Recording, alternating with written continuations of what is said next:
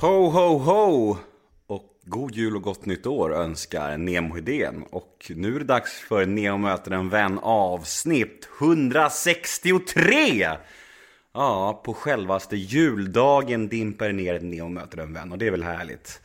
Dagens gäst är ingen mindre än Maxida Merak. Men först vill jag prata lite om mina föreläsningar eftersom att jag åker ut nu i januari och i februari kommer jag ha 6-7 eh, inbokade föreläsningar eh, runt om i Sverige. Och eh, min föreläsning handlar ju mycket om att växa upp i en dysfunktionell familj, att hamna i dokusåpakändisvärlden, eh, baksidorna med snabbt kändisskap. Att, att kastas ut på baksidan av en sån produktion och, och må skit och hamna i missbruk och kaos och misär och sådär. Och sen ta sig ur det. Och Ja, min föreläsning är en livshistoria och eh, den har fått väldigt fin respons runt om i landet. Överallt jag har varit har ungdomarna varit väldigt positivt inställda till den och det har varit väldigt kul och, och, fint att få åka runt och dra min historia för att jag har märkt att den har gjort intryck på folk och det är en väldig ära att få inspirera och, och hjälpa och liksom få använda mitt gamla kaos till någonting fint. Det känns väldigt hedersamt faktiskt att, att få använda saker som jag har skämts över och liksom hatat liksom, i min, min historia. Att jag, att jag idag får använda det till någonting positivt och det känns väldigt fint. Så vill ni ha mer information om min föreläsning och mina datum när den kommer att ske och allt sånt där så gå in på min hemsida www.nemohedén.se Men åter till dagens podd då, Maxida Merak. Mm. Jag åkte hem till Maxida i Hammarby sjöstad och eh, Ja, för de som inte vet vem hon är så är hon en eh, hiphoppare kan man säga. Hip, man säger väl rappare i alla fall. Hon är aktivist, hon är skådespelerska, hon är, hon är otroligt speciell, stark och jävligt cool bara. Och eh, ja, det blir en podd som handlar om eh, hennes speciella liv. Hon har ett annorlunda liv, hon, hon har växt upp högst upp i Sverige och är same. Och det är ju speciellt. Det är, eh, vi pratar mycket om det, utsattheten för samerna och allt sånt där. Och det är väldigt spännande samtal och eh, jag blev väldigt berörd av hennes livshistoria. Det är starka grejer helt klart. Så jag hoppas ni kommer att tycka om det här också. För jag blev väldigt, väldigt berörd och eh, ja, en bra podd, helt klart. Jag heter Nemo Hedén på Twitter och Instagram. Hashtaggen är NEMOMÖTER. Gå gärna in på Facebook och gilla oss där. Där heter vi Nemo möter en vän. Har ni några frågor eller önskemål gällande podden eller vad som helst så skicka dem till nemohedén gmail.com Min hemsida är www.nemohedén.se och där finns all information om podden, om mina föreläsningar, om den stundande boken. Ja, all information ni behöver om ni, om ni vill veta mer om mig och vad som händer i mitt liv och, och mina olika, olika projekt. Podden presenteras precis som vanligt av Radioplay och klipps av den eminenta Daniel Eggemannen Ekberg. Men nog om mig, dags för Neo möter en vän avsnitt 163. Gäst Maxida Merak. Rulla gingen och god jul på er framförallt. Nemo är en kändis. Den största som vi har. Nu ska han snacka med en kändis och göra honom glad. Yeah! Det är Nemo är en fullkomligt kändis. Den största som vi har. Nu ska han snacka med en kändis och göra honom glad. Yeah! Nemo möter en vän med Maxida. Maxida? Med Maxida? Mm. Jag var så rädd att säga ditt efternamn fel. Men, Nej, det tror jag inte. Merak? Merak. Merak. Alltså jag säger fel. Jag är så här, jag, jag tror att jag, det är intressant där för att jag, jag upplever mig själv ha väldigt bra koll på samtiden liksom. Folk. Eh, Men, du, men tills vi blev bekanta så hade du gått lite under radarn för mig. Och det är, för mig är det jättekonstigt för att jag tycker jag har bra koll på allt. Eh, Så det var inte disrespect att säga ditt efternamn. Nej, men det är kul faktiskt för mitt efternamn är... Ja, berätta om det. Det låter som att så här, hej jag heter det här, jag måste bli larger than life. Ja, det är många som säger faktiskt. Men, nej men, eh, ja mitt namn är ett väldigt bra artistnamn. Och har fötts med. Maxida Merak. Det, är- det är ju det jag heter. Eh, Men Merak är så kul för det, det är ju så himla enkelt. Det är M-Ä-R-A-K. Och ändå så säger alla fel på det. Men, eh, Ja, men, så det var inte bara jag då? Nej, det är alla. Nej. Och jag tror att det är för det ser så enkelt ut att man tänker att det måste låta lite konstigare. Mm. Men så är det bara Merak. Har, men har du, Har namnet legat dig, vad säger man, legat dig i fatet eller vad man säger, som här att jag, jag ska bli något stort? För att det låter som att du ska bli något stort på ditt namn. Jag tror inte jag tänkte så när jag växte upp, men, eh, men definitivt, vi, vi är bara ett, ett släkte som heter. Så att, ehm, nej, det är väl mer, det är, någon andra har liksom talat om det för mig. Jag är uppväxt liksom, i en samisk kultur där alla namn låter ganska eh, annorlunda från, från de svenska. Liksom. Eh, så att för mig har inte det varit ett konstigt efternamn i den samiska världen. Liksom. Vi sitter här hemma hos dig i Hammarby sjöstad och det regnar. Och eh, hur, hur mår du? Um, jag mår faktiskt ganska bra, ska jag säga. Alltså, sen finns det ju delar som är skittunga, men att jag har kommit... Jag är någonstans i livet nu att jag lär mig... Alltså man har accepterat de bitarna i ens liv som är för jävliga liksom. Och det, de kan inte jag låta mm, få bli det som gör att jag ska vara, må konstant dåligt hela tiden. Utan det är en del av livet. Men i vardagslivet just nu mår jag faktiskt mycket bättre än jag har gjort på eh, några år, skulle jag säga. Ja. Kör ni varannan vecka nu? Eh, nej, Mm, jag har ju som sagt, jag, jag har delad vårdnad om min femåriga dotter. Eh, Som har världens häftigaste namn. Ja, Niki Sonna. Ja. Ja, precis. Eh, nej, vi kör inte varannan vecka. Det är lite... Mm, jag kan säga att jag har legat i en vårdnadstvist. Två, ja, men två och ett halvt år blir det snart. Eh, Va? Hur kan det gå så länge? Det är eh, ett heltidsjobb, ska säga. Det är det mest fruktansvärda jag kan gå igenom. Om det inte går, om man inte är överens. Men alltså, för oss som inte är så insatta i sånt där. Vad, vad, är det, handlar det om att ni båda vill ha full vårdnad eller? Nej, det handlar om, om, om boendet. Ja. Ja. Så att jag har ju... Eh, jag har ju varit ensam ansvarig över min dotter eh, fram tills att den här vårdnadstvisten satte igång. Så att för mig var det ju en självklarhet att när jag separerade och flyttade att om jag har varit själv med henne hela tiden så är det väl inget konstigt att hon fortfarande hänger på mig.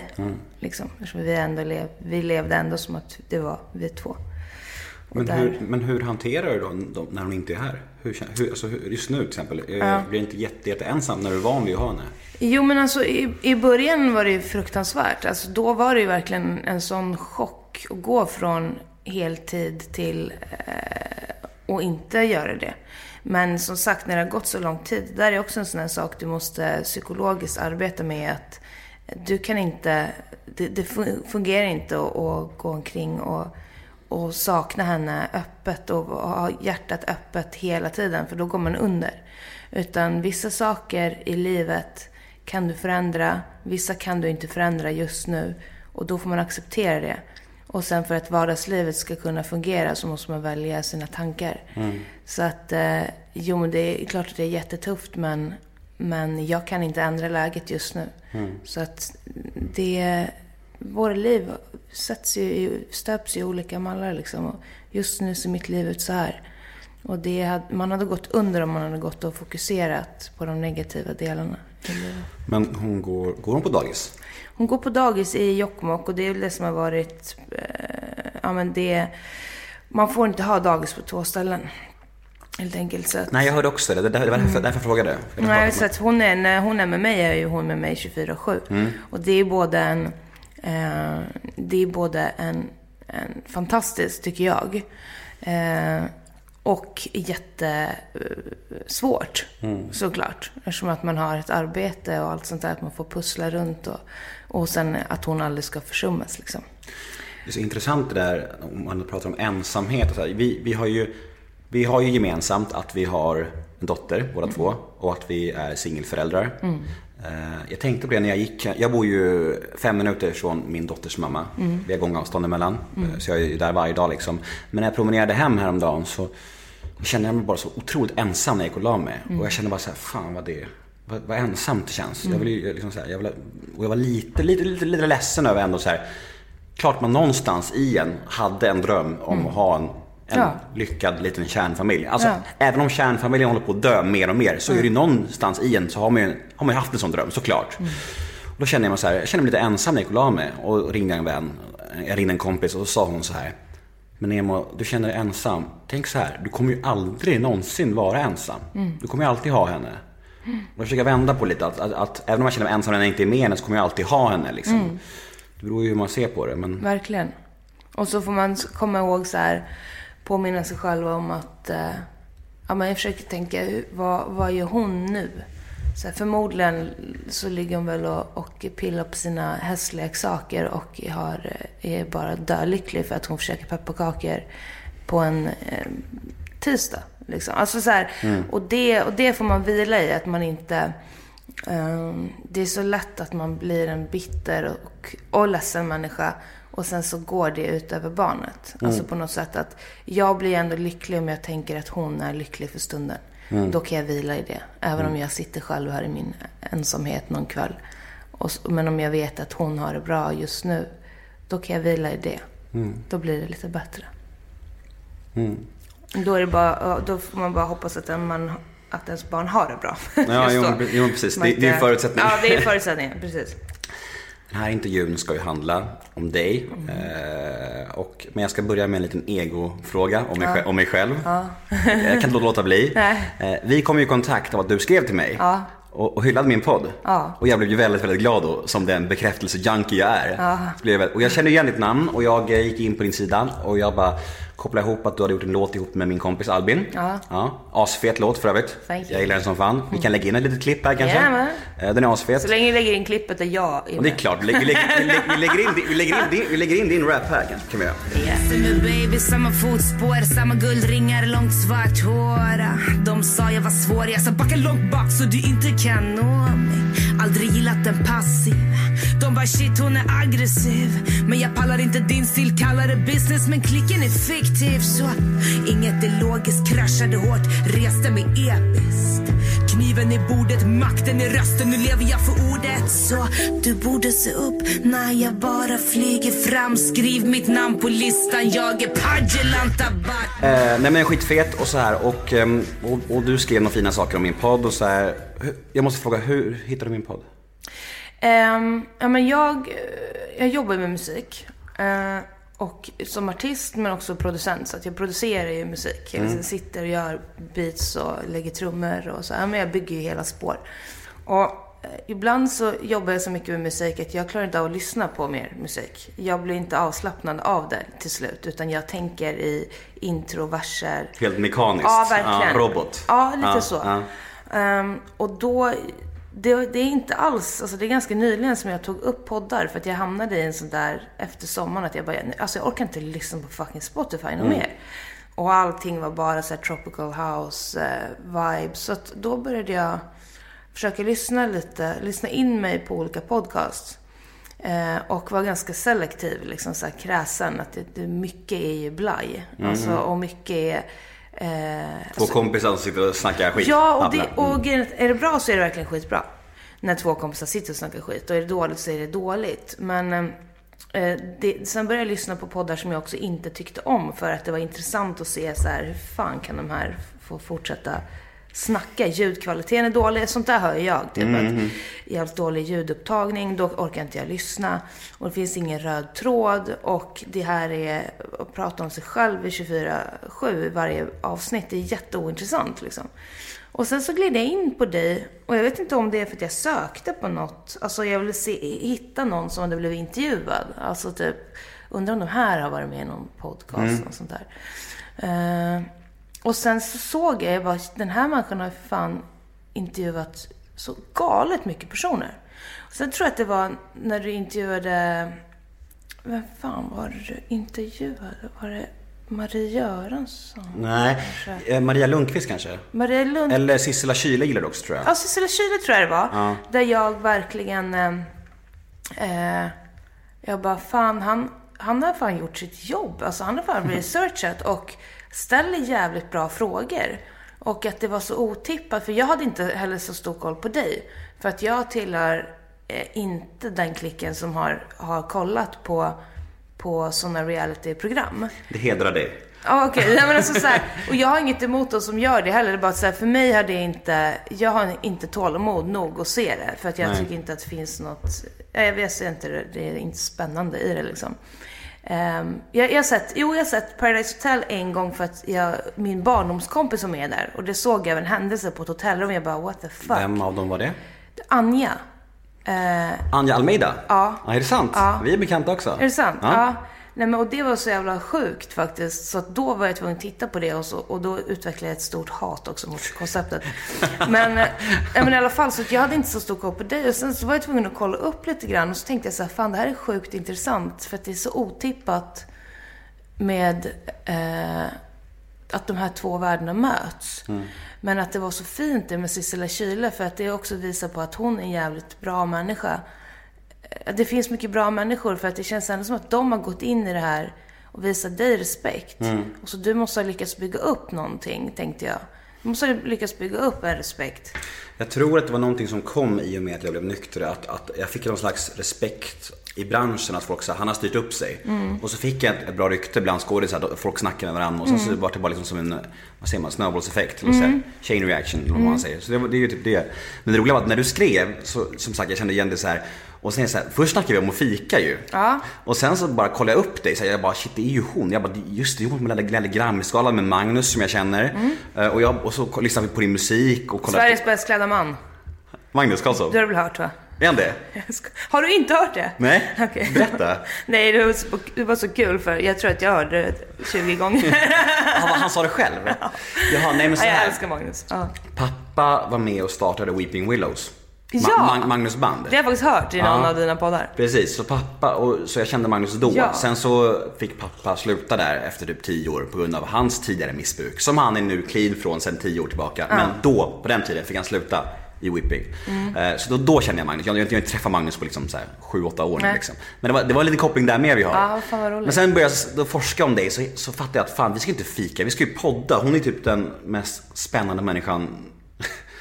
Vad fan, det här kan jag inte gå miste om liksom.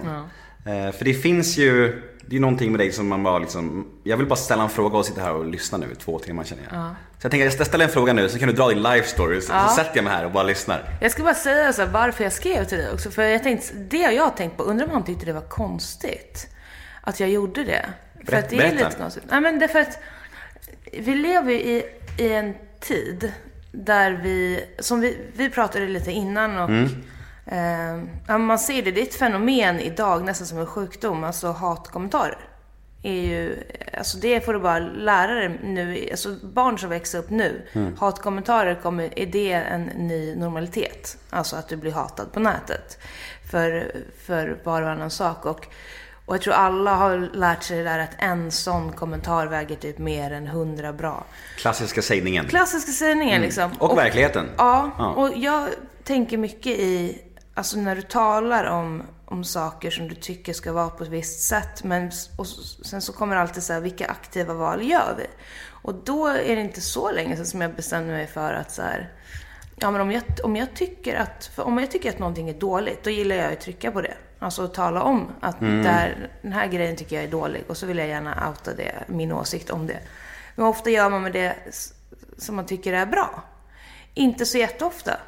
Och då är det så här, då tänkte jag, då ska jag göra tvärtom-metoden. Så fort jag tycker att något är riktigt bra, då ska jag eh, tala om det för den personen. Eller, eller skriva om det, eller outa det. Alltså att jag gör samma metod fast, fast åt det mer kärleksfulla hållet, liksom, för att kunna vända det. Ehm, så jag, jag har börjat göra det faktiskt. Börjat så här, bli lite aktiv på... Och så tänker jag så här, vissa tror säkert att jag är, är helt galen och bara, vad fan skriver du till mig för din galning?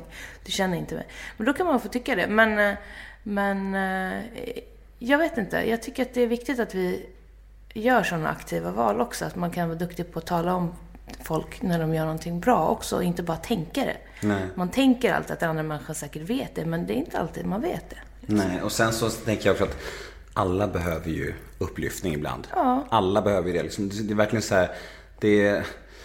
Även om vi säger att, vi, säger att om jag kanske har 30 000 lyssnare på den här, som hör den här episoden. Och då får jag ändå en, någon som säger dåligt och då blir jag ledsen över det. Ja. Då kan man kanske, 1% av de som, 30 000 som tycker det är bra kan man säga att det är bra. Kan man gå tillbaka och säga så här, fast här var den som tog, la energi på att skriva att de tyckte det var jävligt bra. Ja, men det är som jag sa när jag var på väg hit, att jag fick en kommentar som gjorde mig ledsen. Och då, då liksom, den, den har jag tänkt nu sen jag kom hit, på vägen här. Jag bara, åh, jag känner mig så eländig. Och det är så här, det vill man ju, varför ska det vara? Det är ju, det är ju en fråga som är intressant tycker jag. Även om den är klassisk och klyschig så är det så här, måste det vara så? Varför kan, inte varför kan det måste... Det är väl kopplat till självkänsla och sånt antar jag, men det är också så här en enkel ursäkt. Ja, ah, dålig självkänsla, det är klart att man låter sig påverkas. Men alltså, måste det vara så? Nej, jag, Hur är du med det? Jag kan säga att jag har lärt mig med tiden, jag har ett så här ångestfönster. Att jag kan ta en halvtimme om dagen nu för tiden, där jag kan tänka på dåliga grejer och göra jobbiga saker. Jag, alltså jag till exempel hatar pappersarbete. Hatar det mest av allt i hela världen. Och det kan jag gå och tänka på att jag hatar det så mycket, att det är så jobbigt. Det kan äta upp mig liksom, så att jag ska sitta och sortera kvitton eller du vet. Och, eller att någon har sagt någonting elakt och det, och det gör mig ledsen och det kan och kommer det åt mig fel tid, alltså så här, jag vaknar på morgonen och läser någonting dåligt, liksom, att det har legat kvar och sen har det förstört hela min dag. Men nu har jag så här en halvtimme där jag tillåter mig att tänka på det, eh, beta av jobbiga saker och sen så när de där tankarna kommer till mig utanför den där halvtimmen, då har jag satt upp en sån här eh, ja, men som två spaltar framför mig. Kan du påverka det här? Kan du inte påverka det här? Nej men elaka kommentarer, jag kan inte påverka den. Hej då. Du får inte komma åt mig. Alltså mitt fönster är stängt nu. Jag Block- det är block direkt. Det är block, det är block. Och att så här, jag tror att allt sitter i psyket. Att man, alltså man måste välja. Det här måste man bli duktig på att göra. Och speciellt om man är en offentlig person. Och välja eh, vilka tankar som får komma åt dig. Välja din sinnesstämning. Alltså jag har typ extremt svårt för människor som eh, kanske har en dålig dag och sen så låter de gå, det gå ut över alla andra. För att jag har växt upp med att ha ganska mycket sådana människor kring mig. Och då börjar man trippa på tårna och så här, nu vet man, åh nej, den här personen är lite för trött nu och huvudvärk och, så, och, så, och snart blir det ett utbrott. Och sen när kvällen är förstörd, liksom, alla trippar på tårna kring den där människan för att den människan har en dålig dag. Jag kan också ha en dålig dag, där jag känner att jag vill att folk ska trippa på tårna runt mig. Men då måste jag, då väljer jag bort det. Att det är så här, lägg av. Du har haft en dålig dag, men du, får- du får sluta ha en dålig dag nu. Alltså jag får säga åt mitt psyke att skådespela det och i det skådespelet så ändras det per automatik. Det gör det. Man, alltså man kan påverka sin, sin psykiska sinnesstämning så mycket mer än vad man tror. En känsla är en, en känsla. Men hur, sen så kan man välja hur mycket man, den får, får glida fram i praktiken. Och sen så är det såklart skillnad om det är så här, min mamma har dött. Alltså så här, det är skillnad. Men typ jag har fått tio jävligt elaka kommentarer nu på Instagram. Om man blir ledsen då är det så här, ja, bli, var ledsen ett litet tag men nu får du fan välja bort det. I grund och botten så, så vet du att det här inte är en sanning. Nej, och sen så är det lite så här med sociala medier. Jag vet inte vem det var som sa det, men de, de gjorde liknelsen att, att ens, ens Instagram-profil är som ens vardagsrum liksom. Om någon kommer in där och säger något drygt. Det är som att, skulle, du skulle du tillåta någon att komma in här och vara dryg Nej, mot dig liksom? Men liksom, jag har också börjat ha nolltolerans på det. Om någon Ja. kommer och är dryg, bara block bort. Varför Ja. ska man ens tillåta någon ha möjlighet att göra det för? Nej, det är bara, bort- det är bara block bort. Så Inte ens det- kommentera det. Nej, det låter bra. Vi säger så. Yeah. Jag frågade dig innan om du tyckte jag borde se Gills veranda innan det här inte. Du sa ja och jag hade börjat se på det. Jag såg halva och jag älskade det. Men jag stängde av efter halva för att jag kände så här att jag vill höra det som sägs för första gången i intervjun. Förstår du vad jag menar? Jag vill, inte, jag vill liksom så få mina reaktioner här ska bli äkta av det du säger. Förstår du vad jag menar? Ja. Eh, Jag kommer se det sen ändå. Sen, men, men jag har inte sett hela, jag har sett halva nu. Du är född i Skarpnäck. Alltså fan vad alla hakar upp sig på det där alltså. Det, det är helt Wikipedia! sjukt. Vet. Wikipedia! Och vet du att folk skriver alltid, alltså folk är alltid så här. Är du Skarpnäckbo? Man bara, alltså jag råkade födas i, jag råkade födas i, i Skarpnäck. Född i Skarpnäck, uppväxt i Jokkmokk. Ja, exakt. Alltså Ja. så här, vi flyttar fram och tillbaka hela mitt liv. Så att jag har noll koppling till Skarpnäck överhuvudtaget. Det var ett BB som råkade ligga jävligt lägligt till just då. Jag trodde vi kunde mötas där i, söderort. Du vet, Nej. Born and raised söderort. Nej fan, ja, då, är, då, då, då är jag helt fel. Då drar jag igen. Och i Skarpnäck också. Alltså inte så här i Stockholm, utan alla bara i Skarpnäck. Skarpnäck! Ja, jag bara, jag har ingen aning och det påverkade inte mig något av livet sen. Nej, jag förstår. Då fokuserar vi lite mer på eh, uppväxten överlag. Vi, vi ska backa tillbaka bandet och prata lite om hur det var. Alltså om du tittar på din uppväxt, jag antar att den skiljer sig ganska mycket från gemene mans uppväxt. Ganska radikalt. Jag vet inte, kanske. Eller kanske. inte. Hur, om du ser tillbaka på din uppväxt nu idag, ser du på den, hur ser du på den? Eh, jag ser på den bra. Att den har varit väldigt bra faktiskt, tycker jag. Kärleksfull? Ja, extremt kärleksfull. Jag är väldigt tacksam för de, de föräldrar jag har kring mig, de människor jag har kring mig. Vad hade ni för familjekonstellation? Eh, min eh, mamma eh, var ensamstående med mig och min syster. ehm, i, Som också har ett fräckt namn va? Ja, till Mimmi. Ja, eh, mitt, mitt syskon, då var det syster, men mitt, mitt småsyskon till Mimmi. Fram tills att vi var, eller till Mimmi var ett och jag var fyra. Och då, jag är uppväxt bland en massa gudmödrar. Jag tror jag har fem gudmödrar. Får man så- ha mer än en? Alltså i min familj får du ha hur många som helst. Vi var väl inte så här kristna direkt så Nej, att jag det, vi gick på de papperna utan alla var gudmödrar liksom. Mm. Eh, gudmödrar, min morbror, eh, mormor var väldigt centrala så här, i mitt liv. Och sen så när jag var fyra då kom min, eh, ja men för jag har ingen kontakt med min biologiska eh, pappa. Eh, Får man fråga varför? Mm, absolut. Nej men eh, han, han eh, valde att gå liksom när min mamma var, var gravid med mig. Och min mamma valde att ha, ha mig kvar. Eh, och sen så var hon väldigt tydlig med att han har alltid en, en plats här och får alltid komma. Men han valde att inte göra det helt enkelt. Eh, och där ska jag verkligen säga att min mamma är min främsta förebild. Därför att det var aldrig en jobbgrej för mig när jag växte upp. Och det har bara att göra med hur hon pratade och hur hon betedde sig och behandlade den situationen. Att eh, vi, vi pratade öppet om eh, det. Det var, var aldrig varit några konstigheter att det har varit så. Eh, att han inte har varit en del av mitt liv. Och hon sa alltid det som att, för han kunde inte ta hand om sig själv så han kunde omöjligt liksom ta hand om ett barn. Eh, men att det var okej, det var ingen hemsk grej och han var ingen ond människa. Utan han var bara lite annorlunda än oss. Eh, och sen så, Ja, tänk att det börjar borra nu. det är otroligt. Ja, det är Det är otroligt. ett jävla sjukt sammanträffande. Ja. Mickarna är ju väldigt, väldigt känsliga så det kommer nog höras. Ska vi... Förhoppningsvis så ska de bara borra en jävla julgranskrok någonstans. Ja. Nej men, ehm, Men alltså din pappa, jag måste... du har aldrig träffat honom?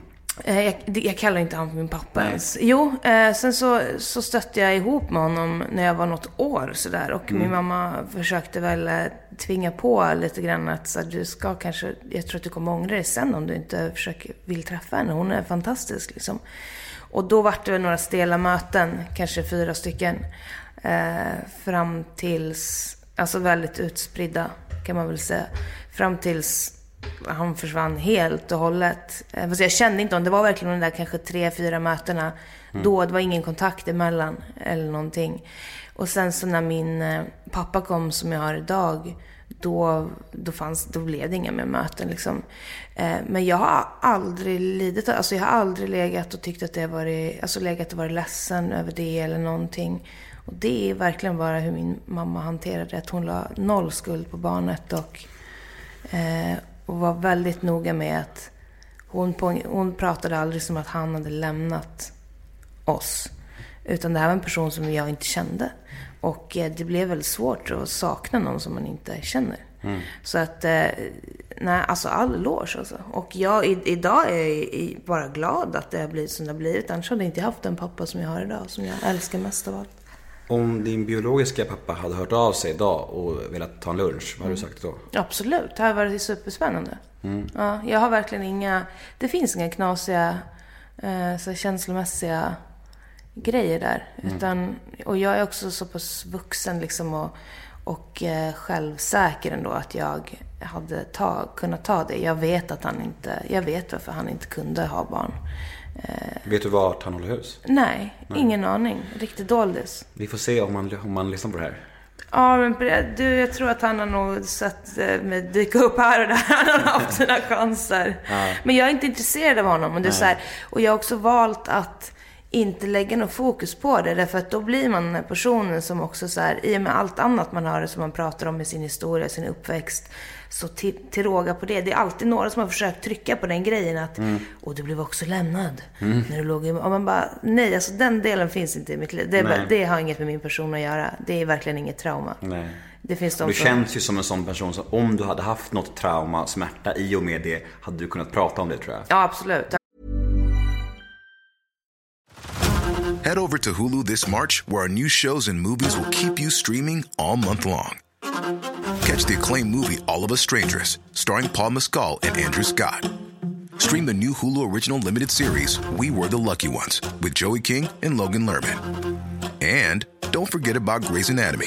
Every Grey's episode ever is now streaming on Hulu. So, what are you waiting for? Go stream something new on Hulu. Jag har skrivit någon hemsk rap-låt om pappa försvann. och tre böcker. Ja, exakt. Men, men jag har en pappa. Alltså som sagt, sen kom pappa när jag var fyra till Mimmi var, var ett. Och eh, typ, han är min främsta förebild för alla fäder och alla eh, äkta makar och män i livet. Och så fick vi en, en, lillebror. Och sen adopterade han eh, oss också. Okej, så lagligt sett så är han din pappa? Mm. Ja, ja. Säger man lagligt sett? För Ja, jag tror det. Ja. Bokföringen. Precis. Mm. Men du är alltså uppvuxen i Jokkmokk? Eller eh, hur, hur ser det ut? Alltså är det Ja, utanför. Jokkmokk? Eller Nej, och? inne i samhället. då. Ja. Hur många människor bor i Jokkmokk? 3000. ungefär. 3000? Ja, är in- alla samer? Nej. Hur många är samer? Eh, alltså jag skulle... sk- Jag ligger någonstans på hälften, hälften. Så det är som ett inbördeskrig eller? Eh, i, I perioder absolut. Inom vissa frågor absolut kan det bli så. Vad skulle du säga skillnaden på en uppvux, alltså skillnaden på tillvaron hos en samefamilj och en icke-samefamilj? Vad är liksom skillnaden för de som inte vet? For dummies liksom, förklara. Ja, alltså för vissa är det ju ingen skillnad. För vissa samiska familjer lever ju väldigt, alltså så sagt vanliga liv. Men om vi ska prata typ renskötarfamiljer och icke-renskötarfamiljer, svenska familjer, så är det ju väldigt stor skillnad. Att eh, uppe i Norrbotten, och det är väl inte bara Norrbotten, utan det är väl glesbygd överlag i Sverige, så är ju så finns det ju en viss kultur, en, en viss vit arbetarklasskultur. Och den är ju väldigt, eh, skiljer sig ganska hårt från den samiska kulturen, så det syns ju ganska tydligt där uppe. Sen en renskötarfamilj, ja men gud alltså där är det ju ehm, fler, det finns ju perioder liksom där barnen inte kan gå i skola på samma sätt för att det, för då är det intensivt med renarna och eh, så har vi slakten under hösten där alla måste hjälpa till och alltså där kretsar ju livet kring renskötseln eh, ständigt och att alla andra grejer är bi, bisaker. Alla andra näringar runt omkring är bisaker kan man säga som skola eller ren, renarna yrken. först och sen, Ja, re- sen resten av livet liksom? Ja, det är så. Där är, man kan säga att är, i icke-renskötarfamiljer och speciellt svenska familjer så är ju fokus alltid eh, arbete och skolgång. Eh, eller liksom hemmets trygga vrå kanske. Där i, ja men som sagt, bland renskötare så är renskötseln är, det, det är en livsstil liksom. Allt kretsar kring det för att det ska fungera. Alltså jag kommer ställa lite frågor nu som kan låta dumma. Ja men det är, Det är det, du, för att- du har träffat den rätta för att jag... Det är din uppgift, här, ditt kall i livet att... Ja men här- jag blir inte arg. Nej. Nej. Eh, Det är, som, det är så här, du frågade mig om det tror jag när du skrev på Instagram det här med, jag vet inte hur du uttryckte det, du skrev typ så här. Kan du inte bli less på att vara, vara beroende? Något sånt där. Kommer du ihåg vad du sa? Jo, jag kommer ihåg. Jag, jag sa så här, eh, för att jag hade lyssnat på så himla många poddar. Och så tänk, alltså för jag har verkligen lyssnat på många jävla av dina poddar. Tack! Ja, vad smickrad jag blir. Ja. Jag blir jätteglad. Jag Tack. prenumererar numera. Oj, oj, oj. Ja. Nu haglar det fina, fina ord här. Nej, men, och det, det jag reflekterade över var att så här, jag Det är, det är återkommande. Ja, det, alltså det, med ditt missbruk tänker jag. Ditt Mm. förra missbruk. Och så tänkte jag så här att jag hoppas att Nemo i framtiden eh, slutar prata så mycket om det. Mm. För att eh, det finns en person här bak som jag tycker är väldigt skicklig på det han håller på med. Typ den här journalistikbiten. Att det, får, kommer, att det kommer komma en punkt där du eh, låter missbruket ligga åt ditt för, till ditt förflutna. Det kommer ju alltid finnas såklart vid sida vid sida. Men att det är också att den här, det här sitter i psyket, att man väljer, att man väljer själv. Och att du, att du förhoppningsvis släpper fram de andra sidorna av dig. För att jag blev imponerad för jag tyckte du var en skicklig journalist som ställde smarta frågor. Och var inte alls intresserad till slutet av att bara lyssna på, alltså se dig som en före detta missbrukare. Utan att jag var så här, hoppas att han sen klipper den biten och så väljer, det här är den personen jag är nu. Och missbruket är en del utav det, men jag är inte mitt före detta missbruk. Och det var det tror jag jag frågade dig. Blir du inte trött ibland på att du, typ ska vara ansiktet för ditt före detta missbruk? Jag förstår, jag förstår vad du menar. Min syrra sa någonting om det. Hon, hon sa så här. Du skulle kunna bli det här utan den biten också. Ja. Alltså du vet, du, är, du blir inte det. Bli inte Nej. din historia liksom. Och det är ju jätteintressant och det kan jag känna ibland att jag, alltså jag är som en maskin. Jag går på repeat och bara drar samma story om och om igen. För att jag, liksom så här, jag känner att jag har ett ansvar att inspirera och hjälpa dem och, och vara ett ansikte utåt för de som har tagit sig ur ett missbruk. Mm. Jag älskar det men, men ibland kan jag känna att det blir som en maskin. Att jag, att jag, jag känner att jag måste liksom, att det förväntas på mig. Men jag frågar, känner du inte att det, att det också kan, är det inte tungt? Jo, jo, men visst. Påminnas alltid. Jo, men samtidigt så är det också hälsosamt. För att när jag påminns om hur det var för mig, då, då tar jag mig också, då tar jag ingenting för givet liksom.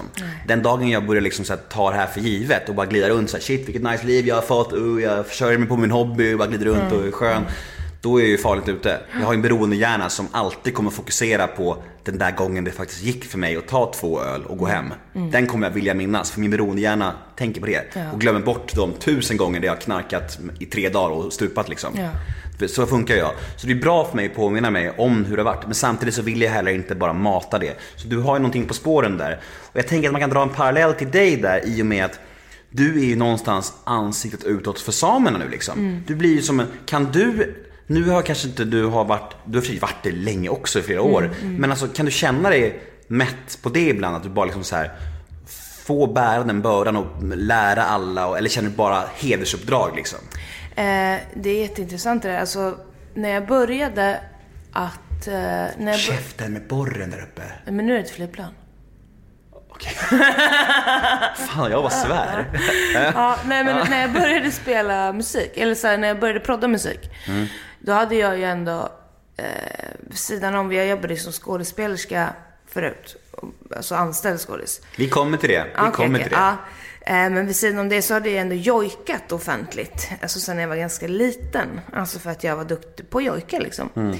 Ehm, och när jag började prodda musik så var ju det för att jag ville eh, bryta normer. Jag saknade, jag tyckte att så här, varför har ingen utvecklat det här? Varför, varför är det ingen som ser de här feta bitarna i min kultur och kan och gör något fetare av det? Jag var så fucking trött på alla stereotypa bilder liksom. Och att så fort du hörde eller såg någonting om en same så var det i en kolt, alltså vår folkdräkt, på en scen och som är en jojk liksom. Jon Henrik Fjällgren. Ja, absolut. Och det finns sina fördelar med det, men inte om det, bara, om det är den enda sidan som finns.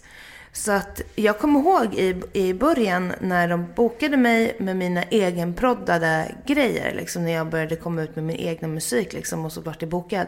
Om jag inte dök upp i Colt, för jag gjorde ett statement, jag kommer dit med mina vanliga kläder, jag är Maxida Marke, det är den jag är, punkt. Då var ju de besvikna. Alltså bokare blev ju besvikna alltså, och, och chockade att jag inte hade på mig något samiskt. Liksom. Och det märkte jag ganska tydligt att det är så här, shit, de bokar en same. De tror att jag ska leverera en stereotyp, alltså en apa här som ska stå på scen. Eh, och när, de, när många insåg att så här, vad fan, majoriteten av den låter är hiphop. Vars är all jojk liksom. Det också förväntades av mig att jag bara skulle göra jojk. Och då blev det verkligen nästan ett statement att så här, jag kommer inte ha på mig någonting samiskt. Och jag levererar vad fan jag vill.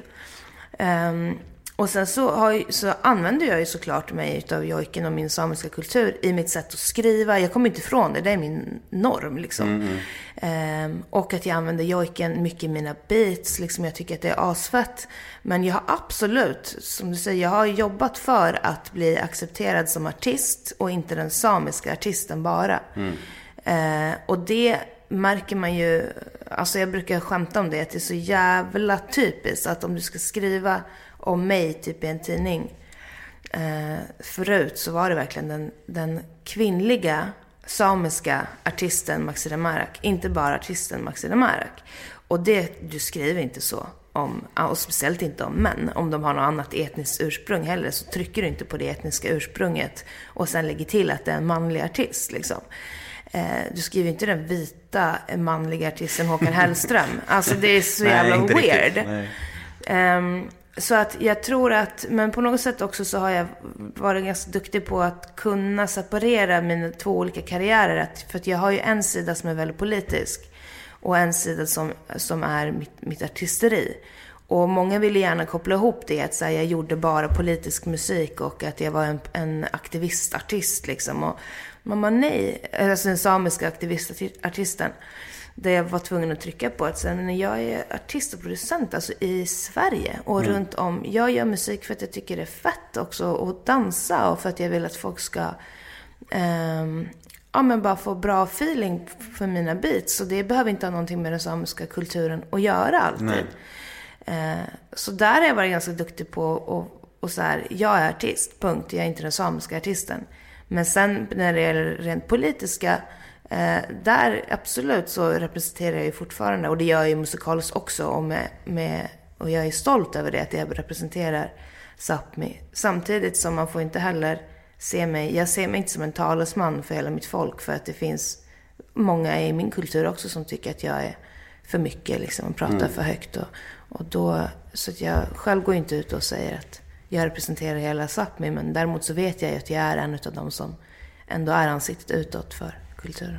Sápmi är alltså... Sápmi, eh, det är eh, vårt land kan man säga. Så hela, det omfattar, det ordet är vår kultur och våra landområden som, vi, som inte finns på gränsdragningarna. Och det är ju Sverige, Norge, Finland, Ryssland. Som sagt, det kommer bli lite dumma frågor här då och då. Men det är bara för att vi, vi vill lära oss. Och Det är inte dumma Nej, det är frågor. inte dumma frågor. Jag ska Nej. inte hålla på och ursäkta mig. Det blir bara tramsigt. Men jag har ju haft Jon Henrik Ja. Fjällgren med här. Har du hört det? Du skulle höra det Jag alltså. tror att du nämnde att du har, jag har inte hört, nej jag har inte hört avsnittet. Nej, nej. Är ni, har ni, är ni polare? Eh, Vi känner varandra, alltså så här bekanta som man gör i Sápmi. Alltså att alla känner alla. Men vi är ju inte, vi, har inte, vi umgås ju inte. Ja, men alltså ni, ni, ni är båda artister, eh, ni båda joj, jojkar. Eh, ni, ni ser ganska lika ut utseendemässigt tycker jag. Jag Jaha. inte det. Alltså, Det, det är första gången. men alltså, jag vet inte, jag vet inte, jag vet inte är, är det, ser ni ut som, som samer? Har ni ett sam, alltså finns det ett klassiskt samiskt utseende? Finns det det? Eh, det där är typ en sån här, om du hade ställt den här frågan till någon annan så hade du blivit halshuggen. Ja, jag vet det. Det var därför jag förvarnade ja, innan. Absolut. Nej men det kan jag väl säga att, eh, både ja och nej. Ska jag säga. Att Men då är det ju ingen dum fråga egentligen om det är både ja och nej. Alltså för det är ju ändå så att vi är ju till, vi är ju en annan folkgrupp. Alltså vi är ju inte svenskar. Eh, bara för att vi bor i Sverige. Eh, utan vi är, och, och många vill prata om samer som en minoritet. Men minoritet, det innefattar ju en, en mindre, en, en grupp människor som är, som ligger i minoritet helt enkelt. Till övriga majoriteten. Eh, Men samer är också ett urfolk, alltså vi är ett annat folk. Så att eh, jag skulle säga att det finns absolut vissa typiska drag som är eh, samiska. Men varför, man, varför det är problematiskt att prata om, om eh, det är att man lätt kommer in på rasifiering. Och att det finns ju de som kanske inte har de typiska dragen och då blir de, det får de höra hela sitt liv. Alltså så här, det där har, det vet jag, jag gick ju på folkhögskola som heter Samernas. Eh, där man, eh, ja men det är så tradition för jättemånga samer att gå den där skolan. Du lär dig, alltså du, du lär dig hantverk och slöjd från grunden som många har tappat liksom i och med att vi lever i en moderniserad tid. Både på hård, hårdslöjd och mjukslöjd och så ren skötsel liksom och den skolan kom igång på 30-talet och sen så har nästan alla i Jokkmokk som är samer typ går den skolan. kommer samer från Norge, Finland, Ryssland och går den skolan och den är jättepopulär. Så även jag har ju gått där, som många i min familj. Och då vet jag att vi var, min klass var nere i, i Malmö, i, eller i Skåne. Tomelilla var det. Och då var det under påskveckan, eller så här konstveckan där nere. Och vi var där och ställde ut våra slöjdattiraljer. Och sen så åkte vi skumpa runt i en liten minibuss eh, på landsvägen och så besökte olika eh, privata konsthandlare och kollade in deras verk liksom. Och då, det här är bara ett exempel, att då kom vi till en, en eh, äldre dam som frågade var vi var ifrån och du vet. Och hon fick höra att vi var en samisk klass, att alla var samer som kom dit. Vi var typ tio stycken kanske. Eh, så hon blev eld och lågor. Och sen så började hon titta på oss och eh, verkligen så här Ja, men alltså noggrant kolla vilka hon tyckte såg riktigt samiska ut och inte. Och hon sa högt till människor att så här, dig ser jag same för du har så tjocka kinder. Och du med dina sneda ögon, du ser inte alls samisk ut. Du ser ut som det och det och det. Och du ser mer ut som att du är latin. Latinamerikan liksom. Och, bara, bara. och eh, det där får vi höra alltså från uppväxten. Mm. Alltså om du passar in i det samiska stereotypa facket eller inte. Och det är så jävla intressant för mig att det är ingen som kopplar det till rasism. Alltså hur förnedrande det är för en människa att höra det. Och jag vet så här skräckhistorier mm, om 1940-50-tal liksom när, när de kom, de här jävla människorna som mätte våra skallar och som kidnappade barn till nomadskolorna. Och de kunde på allvar liksom säga till en samisk kvinna att hon hade varit otrogen för att hennes barn såg så olika ut. För man såg att den ena var, var en savage, alltså en vilde, och den andra hade mycket renare drag. För att det hoppade så mycket i, i, i dragen. Att den ena kanske hade mer runda ögon, den andra hade lite mer sned. Och då så här, ja det är för att du har knullat med någon annan liksom. Ehm, Alltså du får ursäkta mig om jag uttrycker mig, för jag, jag, jag har en tendens att inte riktigt det, i, mitt, I mitt huvud kan det låta på ett sätt, sen när jag säger det så kan det bli klumpigt. Ja fast jag, grejen är så alla tänker det. Så det är lika bra att någon säger det. Och det här måste man kunna prata om. För att om man inte pratar om det så är det ingen som... Alltså det här som är så farligt, om jag hade reagerat och bara och, och sparkat bakut någon och kallat dig för rasist. Eh, det är livsfarligt. Alltså så här, man får inte göra så mot människor. För det finns en anledning till varför du ställer den frågan. Och det är för att det finns en okunskap kring min, mitt folk. Och det är ju inte ditt fel. Att du inte har fått lära dig någonting om samer eller hur, jag, hur fan ska du veta hur jag tänker angående det här? Nej. Alltså det här, sånt här gör ju att folk blir tysta, ställer inga frågor och så fortsätter bara okunskapen. Nej men jag tänker att den här podden kan ju bli som en kurs för oss som inte kan så mycket. Jajamän! Så det är klart det finns samiska drag. Och det tycker jag också att det är. Det är så farligt att säga att det inte finns, för då trycker vi på att det är någonting fult. Alltså, Nej men så när jag säger att du och Jon Henrik är lika, då menar jag, då menar, då, i, mitt, i mitt huvud är det så att båda är mulatter och båda har så här fina... Men jag är lite- inte mulatt. nej men alltså, vad ska jag säga då? Lite mörkare än helt ljus. Tur att du är en snäll människa. Men vad ska, hur, ska, hur, ska man, komma- hur ska man se att det ser ut då? men att vi båda är lite mörkare Ja, kanske det bara. kan man säga. Ja. Ja. absolut. Men du förstår vad jag menar i alla fall. Det var, Och eh, att ni båda har drag av något lite indiskt, men det är fina drag. Ni båda ser väldigt vackra ut. Ni är vackra människor båda två. Tycker jag både du och Jon Henrik är. Så det är ju, i min- i mina ögon är det bara positivt. Även om jag förstår rasifieringen, att jag förstår Mm. det problematiska, förstår jag nu när du förklarar det. Absolut. Ja, för det, det, jag hade lika gärna kunnat sitta här och varit alltså, röd topp och superfräknig. Liksom. Men då, då är det intressant att veta så här, undrar vad du hade ställt, om jag hade suttit här och varit lite mer så här rosa i hyn och mycket fräknar och knall, eh, ljusrött hår. Men finns det några blonda samer? Men det är hur många som helst. Är det sant? Ja, och det här är intressant att du säger, alltså gud, ja men alltså kanske majoriteten. Ah, men shit, du Att- ser, jag kan kanske ingenting. majoriteten. Ja. Och det här som är så lustigt, därför att i mångas ögon så är det så här, urtypen av en same ska vara typ liten och mörk. Lite, lite indian. Jätte, ja, verkligen. Och det är ju så fruktansvärt farligt att ha den, för då har vi liksom stora områden där alla i princip är jätte, jätteljusa. Och jätteljusa i hyn. Ja, men du ser. Och att det är klassiskt samiskt. Men det är någon jävel som har varit tvungen att så här hitta, du vet, en typ som ser eh, minst svensk ut. Och sen så ska den bli vilden. Och för att man, det, alltså en, en negativ bild. Och också visa på rasismen gentemot ja, men människor som inte är vita. Liksom. Eh, och sen så, så är det någon som har kommit på det, att alla samer är pyttesmå och mörka och har sneda ögon. Och det är bara en, en människa som har kommit på det, men det är ju verkligen inte sanningen. Och upp till Nordnorge, liksom där de inte, eh, där många inte ens kan norska, så där det bara är samiska som talas på vissa områden. Och majoriteten, 90% där är blonda. Ja men du ser, vi, då dödar vi en fördom till här. Ja, absolut. Nu, nu vi ska bara slakta dem. Fucking kill it. Ja, precis. Men Jon Henrik sa en sak till. Vi, sista gång om honom nu. Han, han berättade för mig.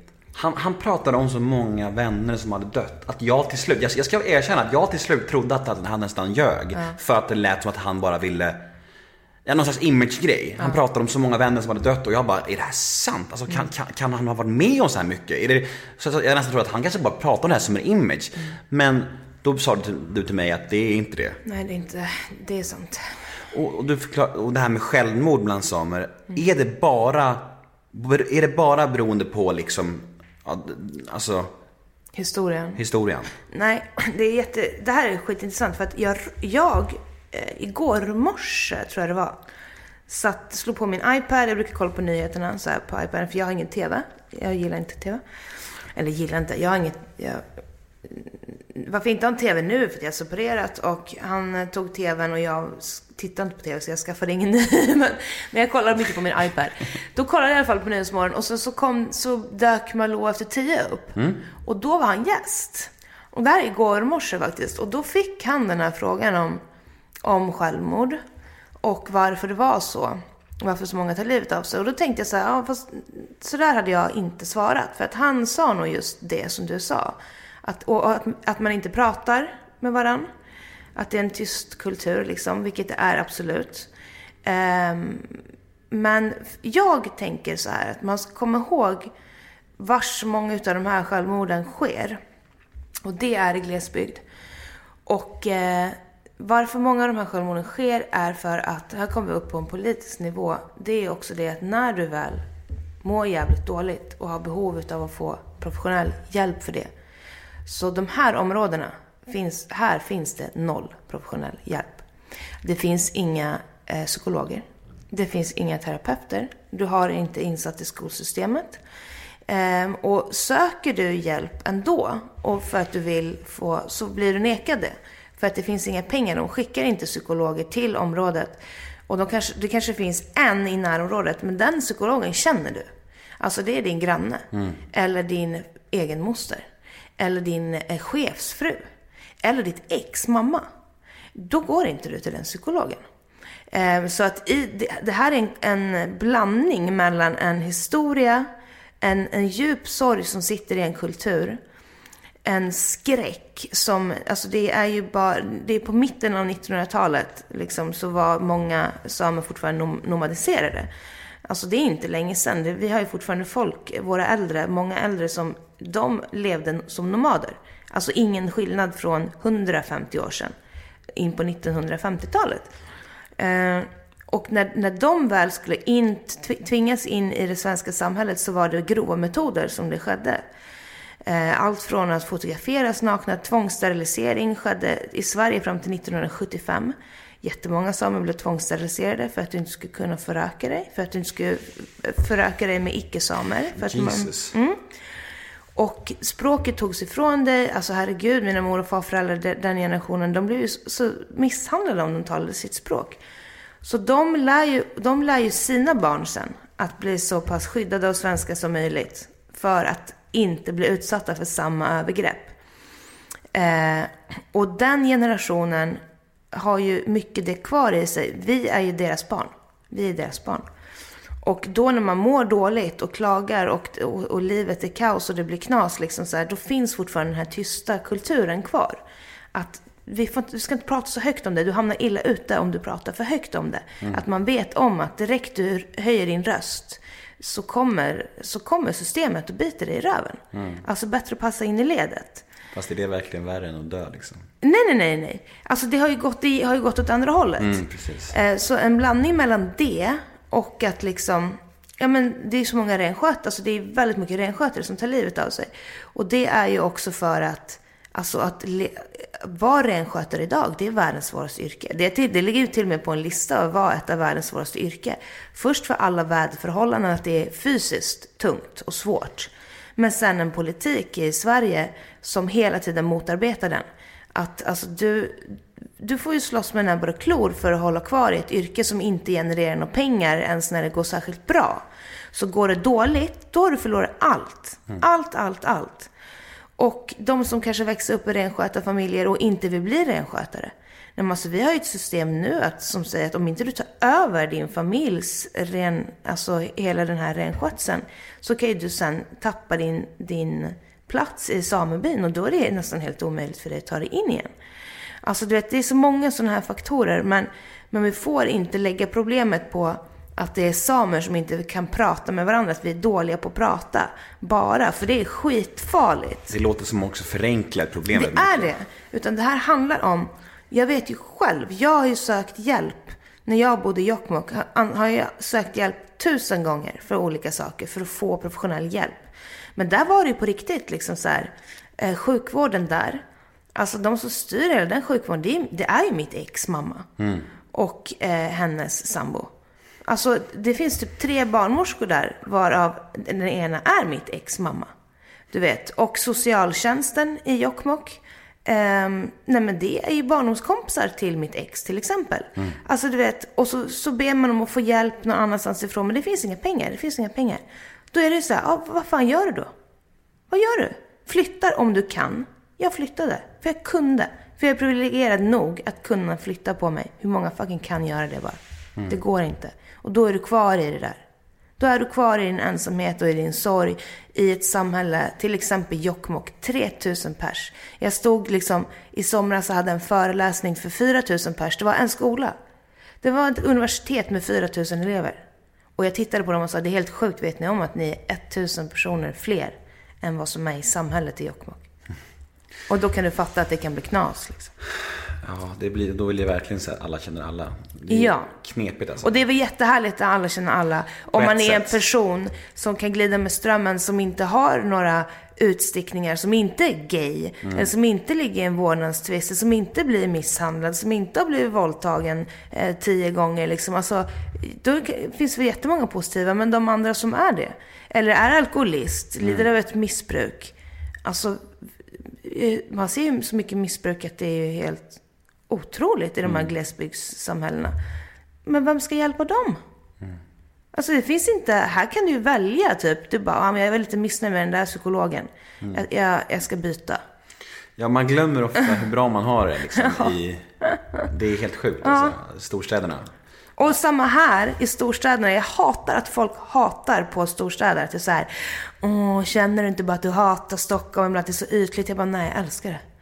För att här är det ju verkligen, det som du säger ändå, du fick ju taskiga kommentarer, du vet allt sånt där. Men du behöver inte möta de som skrev de kommentarerna. Du behöver inte sitta i samma lunchrum som de varje dag. Du behöver inte gå och handla på affären där alla de jobbar. Nej, alltså om du ens har en person som, som du tycker jävligt illa om och som är på den där klubben. Alltså du kan ju bara välja, du går till en annan klubb. Mm. Det är inte så, och, de, den där människan säger bara, du kommer inte in på det här stället. Du bara, fuck you, jag går till stället bredvid. Så De möjligheterna har vi i storstäderna. Välja sin umgängeskrets. Välja din psykolog, välja din, ditt gym. Finns inte där. Men alltså, om vi ska backa lite. Vi var, vi var vid din eh, skoltid där och pratade lite. Vad, hur skulle du beskriva din skoltid? Vem, vem var du i plugget? Uh, jag var... Jag har alltid hatat skolan. jag tyckte verkligen inte om den. Eh, också, alltså, inte bara så här att, jag, att det är så på ett sorgligt sätt, liksom att jag känner mig utanför. Jag bara tyckte det var så fucking tråkigt. Alltså, jävla tråkigt. Um, första tiden var ganska rolig, men eh, nej, jag var aldrig... Jag var aldrig den uh, snygga tjejen. Så här, jag var rolig och kaxig. Alltså så här, jag var ju, jag sa ju allt vad jag tyckte och, och tog väl, eh, ja men jag ville alltid, du vet på, på fredagen när man hade så här roliga timmen typ, och så här, jag skulle alltid uppträda, alltid, alltid, alltid. Gjorde egna föreställningar tidigt. Gjorde egna föreställningar och drog in folk till min ensemble. Och vi hade så här sjuka teaterföreställningar, helt sjuka. Eh, från att jag var väldigt liten. Ehm, och sen så, så slogs jag nog ganska mycket. I Hela min skolgång. Faktiskt. Från att jag var väldigt, väldigt liten. Så att jag har, och blivit mobbad vid sidan om. Så här. I perioder utfryst.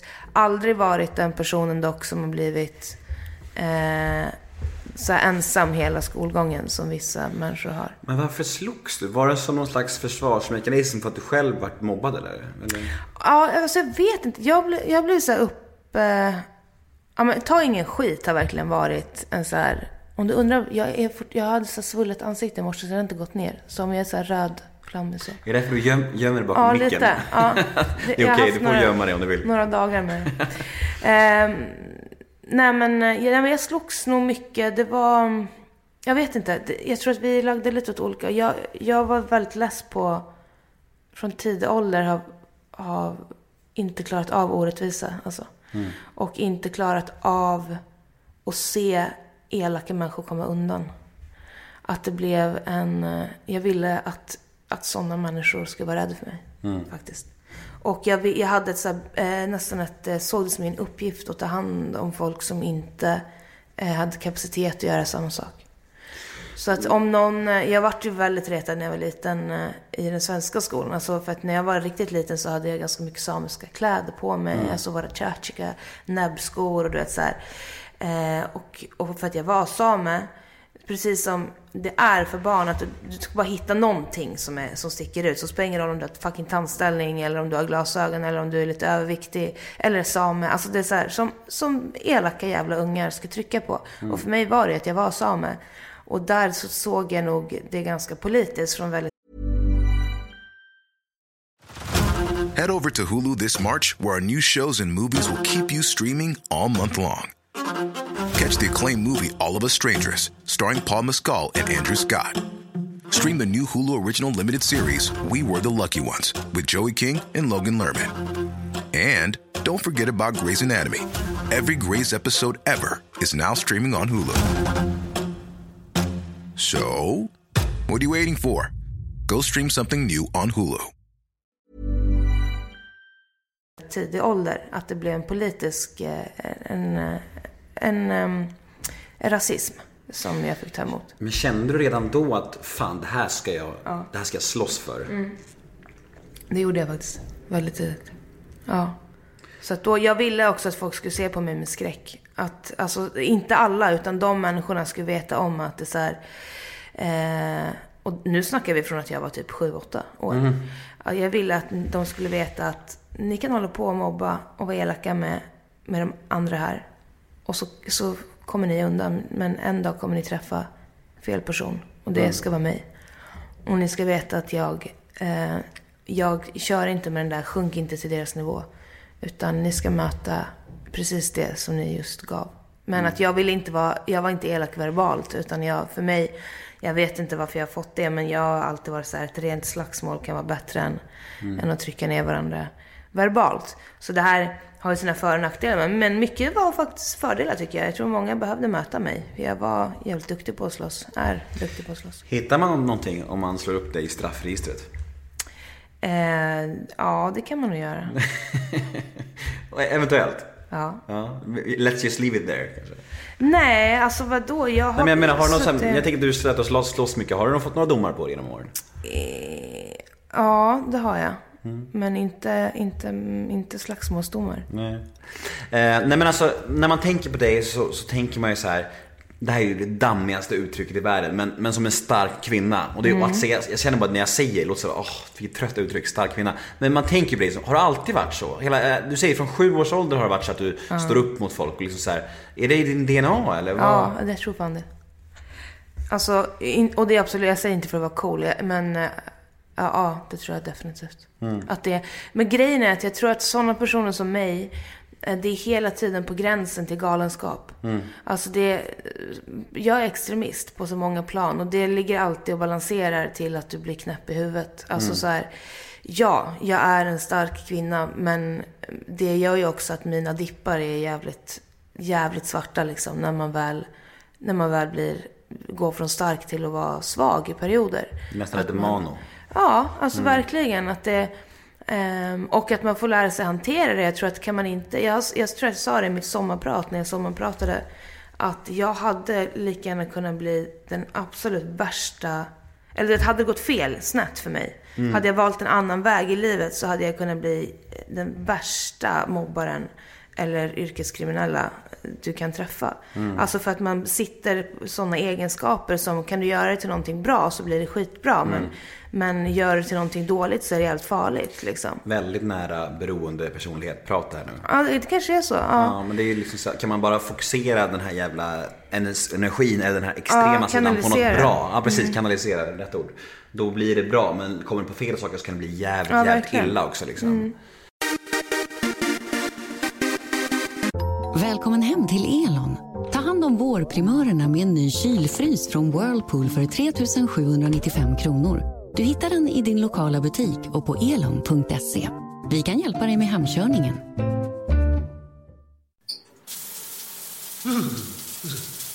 Undvik kallduschen. Byt ut din värmepump i tid. Nibes värmepumpar ger dig ett perfekt inomhusklimat året runt. Gå in på nibe.se för att se vilken värmepump som passar ditt hem bäst.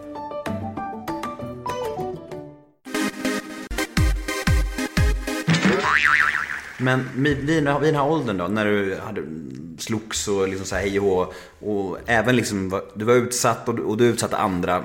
Vad, vad, Utsatta. Ja men vad, jag tänker när man slåss så är det, ju- även om man slåss av rätt anledningar Ja, så är det, finns det ju offer i det såklart. Vad drömde du om här? Vad hade, förutom att stå upp för saker som var rätt, vad hade du för drömmar med livet liksom? Och jag ville ju bara hålla på med teater. Faktiskt. Ja, teater och musik ungefär. Och sen så ritade jag väldigt mycket. Alltså jag, det var ju faktiskt en av mina, det, det är inte så många som vet, men jag skulle bli illustratör ett tag. Och jag är faktiskt jävligt duktig på att rita och måla. Det är en av mina, nu är det så här dolda talanger, men ett tag så var det verkligen det jag höll på med. Alltså, så, nej men att, eh, jag ville stå på scen helt enkelt. Det visste jag hela livet att jag ville stå på scen. När började du skriva musik? Var det vid den här tiden ungefär? Var det Nej, verkligen inte. Långt senare? Ja, alltså jag började skriva musik när jag var vuxen. Det var faktiskt när, jag, när, när min dotter kom som jag började skriva musik. Okej. Så att jag var, det är det som är grejen. Jag har inte haft, jag har inte alls haft det där att jag ska bli känd.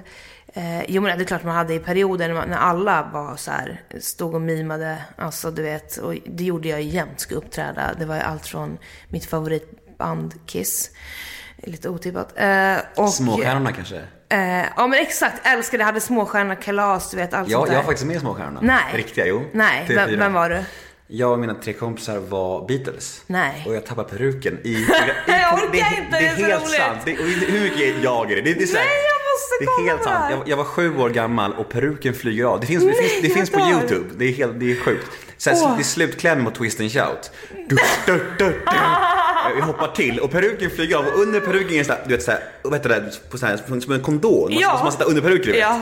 Jag står där som en liten sjuåring bara, fy helt chockad. fan vad roligt. Jag, måste jag rekommenderar alla mina lyssnare att gå in på YouTube och söka på Nem, Ah. Nem Hedén i Småstjärnorna. Det är väldigt Ja kul. men gud, småstjärna var ju guld liksom. Det var magiskt. Det var ju en det, dröm. Ja, det var, och, ja, varför finns inte det nu? Jag vet inte, det var fantastiskt. Ja, det var så jävla bra.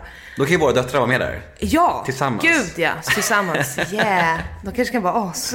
Ja, precis. nej, men, så, nej men jag ville stå på scen liksom, hålla på med, med teater. Men jag hade abs- jag absolut inte blivit att jag ska bli, jag ska bli artist. Det var inte det. Jag ville bara med stå på scen och, och eh, när stack du då? När, när, när, när flydde du Jokkmokk? När, när stack du hit? Nej, jag liksom? kan säga att jag flydde väl egentligen Stockholm när jag väl ville fly. För att då, den tiden bodde jag i Stockholm. Och det var... ehm, jag gick skola eh, 7, 8, 9 där på Eriksdalsskolan. Eh, här på Mm, Söder. jag vet, jag vet. Ehm, och då var det verkligen... Eh, nej, det var ingen bra tid. Jag tyckte inte om... Eller sjuan var helt okej. Åttan skolkade jag så in i helvete. Alltså då mådde jag verkligen dåligt. Ja, Åttan du, var, min- vadå, du var så tidigt i Stockholm alltså? Ja, absolut. Ja, men när jag säger att jag växte upp på båda ställena är det verkligen så. Okej, men, men alltså, hur gammal var du när, när du flyttade hit? Eh, vi flyttade väl första svängen när jag började skolan. Och sen har man åkt upp mm. Så du har pendlat emellan? Ja, pendlat mm. Okej, då förstår jag. Då är med.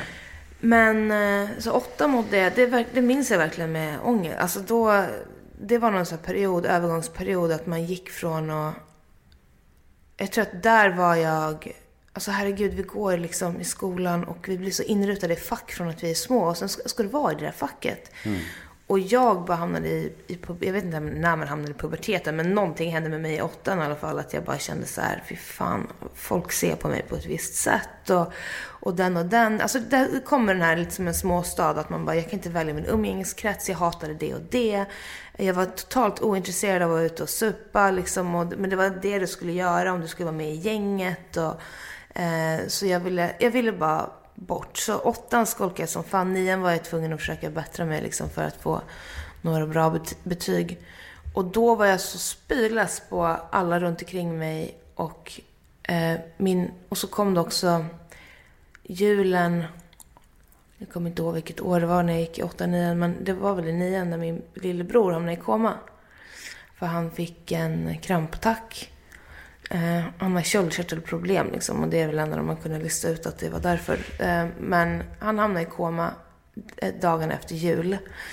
Och det vände hela vårt liv eh, upp och ner i min familj. Gick från att vara ganska eh, tryggt inne i familjen, även fast det kunde vara kaosigt utanför. Liksom så i familjen alltid. Man tror inte att det ska hända någonting sånt. Och han låg verkligen för döden. Han var nio år då. Och då blev jag så jävla vuxen.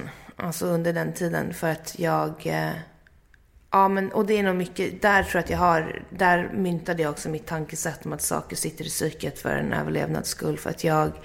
Eh, ja, men det påverkade mig fruktansvärt mycket den där tiden. Också för att jag såg mina föräldrar gå under. Och fattade att så här, det här är världen. Det här är livet. Du är inte alls skyddad. Det spelar ingen roll hur gott du har gjort eller hur tryggt du har varit. Alltså när, när döden eller sjukdomar sätter till, eller missbruk, vad det nu kan vara. När det slår slint, slår det slint. Och då är det bara att acceptera. Det är, vissa grejer kan du inte förändra. Eh, och det var en jävligt smärtsam eh, insikt att ha det. Och sen så tog det väl sex veckor Ja, och för mig så var det, jag var ganska iskall inför det här. Eh, grät en gång, kommer jag ihåg. Fruktansvärt gråt som aldrig tog slut. Och sen så grät inte jag mer. Och sen så talade jag om för mitt psyke att jag skulle leva på som det är. Förberedde mig på att han skulle dö. Och samtidigt låtsades om som att han, klart att han skulle överleva. Det var enda sättet för mig att ta mig vidare. Att jag, var, jag sa så här, ni, ni alla andra tror att han ska dö, men jag vet att han kommer leva. Så att jag, jag kan vara den starka här för att jag vet att han kommer leva. Ehm, och, och tänkte så här, dör han, då tar jag det då. Och då var jag typ 14 liksom när man går in i det. Och sen så tog det sex veckor, eller han låg i koma ett tag och sen så vaknade han. Och vi fick komma hem efter ett tag och det eh, de hittade inga fel på honom och han var på undersökning hela tiden. Och sen så fick vi ett besked om att nu behöver inte ni komma på de här kontinuerliga undersökningarna längre utan vi friskförklarar honom typ. Och då skulle vi fira det den dagen med att äta middag, och bjuda in släkten och allt sånt där. Och då fick han det igen. Den dagen. Och då kom jag ihåg att jag såg mitt liv i slow motion för då satt jag med honom i vardagsrummet när det hände. När han började krampa. Och alltså det är, så, det är så fruktansvärt. Alltså när musklerna låser sig på ett litet barn i ansiktet och all, Alltså de, blir, de ser ut som små monster. Han ser ut som ett monster alltså. Men är det som ett, alltså, alltså hur, alltså, så- jag vet inte vad men alltså hur, hur vad händer liksom? Är det som epilepsianfall? Ja, det är det. Ja. Fast så här, det ser värre ut alltså Ja. på något sätt. För att hans muskler gick från att det typ var fingrarna som började böja sig. Och sen så blev hela kroppen som en krok. Alltså Mm. kroknade på märkliga sätt. Ansiktet ändrade form och det så här. Typ som att käken vreds åt i fel håll. och en skräckfilm. Mm. Ja, skräckfilm. Så det hände när jag var med honom. Och då minns jag att jag skriker bara till pappa. Emil har fått en krampattack. Och första gången det hände, då ringde jag 112. Och sen så sprang jag nästan naken i trosor och linne så sprang jag flera kvarter, alltså på grus och glas, utan skor för att hämta min mammas kompis som var sjuksköterska. Och han var helt trasiga fötter sen, men det minns inte jag. Jag minns inte smärtan. Eh, och nu andra gången så ringde jag också 112 och då minns jag när, jag när pappa springer in till Emil och jag springer ut med, till telefonen, tar telefonen och vill typ möta ambulansen i sekunden när jag ringer. De kommer ju aldrig så fort. Men då möter jag min mamma istället. Och hon är så glad, vet jag när hon kommer. Med matkassar för att vi ska fira liksom att lille man lever. Eh, och jag, hon ser vad som har hänt och jag säger Emil har fått en krampattack. Och då, jag minns, det här är så här skifte i mitt liv att det blev, ja det hände någonting med mig där. Jag, ser, jag minns hur hon tappar kassarna och springer in i vardagsrummet och kastar bort bordet. Och, jag, och då står jag ute och ser in för förbi en altan. Så jag ser allt genom en glasruta. Och så hör jag ett sånt här avgrundsvrål liksom från min mamma. Nej, ta honom inte. Och jag står bara helt still med 112 och lugnt i luren. Och vet att så här, nu kommer, jag kommer aldrig bli mig lik igen. Och det blev jag inte. Jag, jag vet verkligen, alltså någonting väldigt eh, destruktivt, svart och eh, smart föddes där. Eh, men då bestämde jag mig nästan i det där skiftet att jag skulle flytta, flytta hemifrån. Mm. Så att jag, jag var kvar ett halvår då, gick klart nian och också för att jag var kvar för att jag sov bredvid min bror fram till den dagen jag flyttade. Och sen flyttade jag tillbaka till Jokkmokk. Men hur gick det med brorsan då? Det, var, alltså det är så jävla skumt. Än idag kan vi vara så här, vad var det som hände? Ingen vet. Alltså, ingen hittar något fel på honom, förutom att han har köldkörtelförändringar. Men det finns liksom inga andra exempel på att det här hän- händer. Så att när han väl blev frisk så var det ingen skillnad. Alltså han fick la vaccin och så här, så, men det lever ju folk med. Vi har ju köldkörtelproblem i släkten och det är ju inga, inga konstigheter där. Alltså på den nivån. Så att det, det är helt obehagligt eh, faktiskt. Det som hände. Det var ingen som riktigt... B- både tur i oturen kan man säga. Alltså att det är så här skönt att han klarade sig såklart, Ja. men också oskönt att det var konstigt. Ja, fruktansvärt var det. Det var fruktansvärt. Jag har en vän som heter Dennis som sa så här, du måste prata med henne om Midnattssol. Ja. det är min favoritserie. Jag frågar allt om det. Så på uppdrag från min vän Yeah! Dennis. Ska Från vi min... ta lite mer kaffe bara? Vill du ha Ja, mer? absolut, visst. Eh, ja, jag kan ta lite mer. Tack. Tack.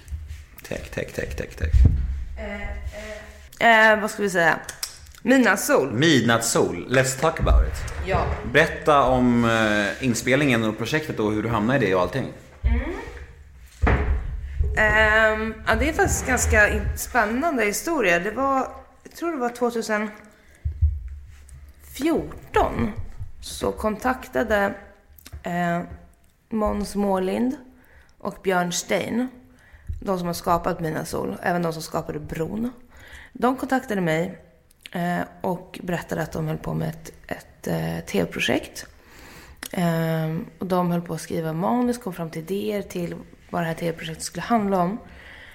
Och eh, jag funderade ju såklart varför de hade kontaktat mig angående det. Men då var det så att de, de var intresserade av att göra en dramatisering eh, som skulle ligga på samma nivå liksom som Bron. Alltså en spännande thriller-serie. Men vad finns det för någonting som kanske ligger när, närmare Sverige? Alltså så här, har vi några smutsiga industrier? Vad är det för bitar som ingen pratar om? Som vi har missat? Vad kan vi plocka upp liksom? Och de hade ehm, ja, men helt enkelt kommit fram till att Sápmi är, verkar helt outforskat och intressant. Och många andra bitar såklart. Och att det finns helt, en jävligt dold och svart industri som, som vi tror kan gräva i och det är gruvindustrin. Eh, har du sett Min och sol? Nej, jag har ju Nej, inte det. nej. Mm. Men nu ska det. Nu fick fick jag skämmas nu. Nej, nej absolut inte. Nej. Jag tycker ingen ska skämmas för sånt där. Alltså jag, herregud. Jag är den som inte fattar när alltså, väldigt många människor står och skriker efter någon som ska vara känd. Och, så vet Men jag har inte jag sett Game of Thrones heller. Så att... Nej, det har faktiskt inte jag. Jag har bara sett typ två avsnitt utspridda på 18 säsonger. Ja, men du Mm. ser. Så du behöver inte känna dig.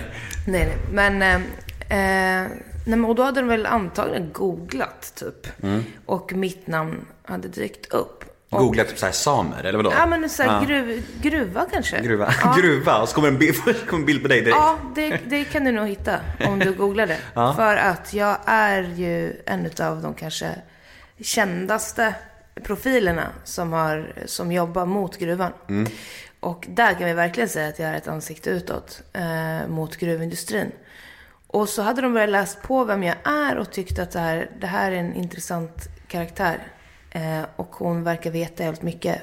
Vi tar in henne i projektet och ställer tusen frågor. Och då skulle vi boka ett möte och det här är så jävla roligt alltså. För då, och då skulle vi boka ett möte. Jag var själv med min dotter då som kanske var, vad fan blev hon då? då? 2014, två, två år någonting. Och jag kommer ihåg att jag var, eh, hade ingen barnvakt, du vet ingenting. Du vet, så här, de skulle komma in på kvällen. Jag bara, ha, vad ska jag göra? Men du vet, jag, jag som vanligt så här, skumpar runt med den där vagnen. Hon har ju varit med mig på allt, allt, allt. Och jag kommer ihåg det så väl för att jag, hon eh, hade svårt att sova så jag gick fram och tillbaka. Så vi skulle mötas på hotell Jokkmokk på kvällen. Där, nu bodde jag i Jokkmokk. Och min dotter skulle, jag skulle försöka få henne att somna. Eh, så jag, jag går fram och tillbaka med vagnen utanför hotell Jokkmokk för att hon ska somna. Hon somnar inte. Och sen så hör jag bara så här, helikopterljud.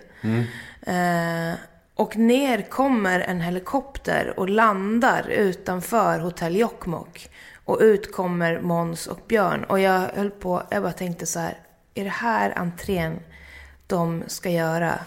Eh, och sen får liksom glesbygdsfolket på sin sida i det här projektet nej, nej, nej, that's not a good thing to do. Så glidit i en helikopter. Fan, alltså. men, men det var faktiskt att de hade varit ute och kollat miljöer. Eh, vilka miljöer de skulle filma i. Och sen så var det så komiskt lagt att det var smidigare att ta helikoptern till Jokkmokk när de ändå var ute och flög. Än att åka dit eh, med, med bil liksom. Men, och då träffades vi där och pratade och jag berättade min historia. Och berättade om min eh, rebellgrupp. Eh, och de politiska aktioner som jag har gjort och gjorde då. Eh, och hur läget ser ut och de interna krigen och rasismen mot samer och vad gruvindustrin, vad det faktiskt gör mot land men också mot folk, liksom människor. Och sen så när de hade skrivit manus så berättade de att de hade byggt en karaktär. Det finns en karaktär i serien som är baserad på dig. Eh, alltså mig då. Så först var det bara meningen att du skulle vara någon slags idéspruta Ja, till ja. deras liksom, manus? Ja. Och sen så blev den här Evelina Getke som jag spelar då, och eftersom du inte har sett det så ska jag inte berätta för mycket, men, men är baserad på mig och det finns ju politiska aktioner och händelser i den här serien som är, är rätt avtagna från verkligheten som, som jag berättade. Finns en scen med, med hennes politiska rebellgrupp, för de byggde upp, också upp en rebellgrupp som var min rebellgrupp då på riktigt. Ehm, men som har sytt eh, koltare och sopsäckar och så vidare. Och det gjorde vi, vi på riktigt. Och, Fan, du, hemläxa för mig att se det här. ja, det, det tycker jag. Har Men du- du kommer gilla den. Ja, men vad grymt. Har du sett det själv sen, sen du spelade in det? Eh, ja, det har jag gjort. Där ska jag också vara, vara lite ärlig med att jag, jag, satt, jag har inte suttit och streckkollat den faktiskt. Ehm, men jag, jag tycker det är lite svårt när man har varit insatt i manus och så, så mycket så. ehm, då blir det som att jag... eh, jag, jag skulle nog hellre kunna se den nu, från början till slut, än precis när den kom. Var det en kul inspelning? Ja, fantastisk. Och, och, och tuff på sina sätt att det var kallt så många gånger. Men, men jag älskar Måns och Björn. Men var det inte svårt för dig att inte liksom gegga in och säga så här, så, här, så där är det ju inte alls i verkligheten, så här ska det ju vara. Fast, Nej, för de, de gjorde sin research. Ja, de var grundliga liksom. Ja, de ju varit supergrundliga. Och det här, jag har till och med varit uppe i en debatt på Göteborgs filmfestival för att det var en Gunilla Brodrej, en eh, journalist på Expressen, som recenserade serien och skrev att så här, hon tyckte den var så himla dålig för att hur kunde Måns och Björn eh, bygga upp såna här bilder utav sa- samer, att det här var Sápmi.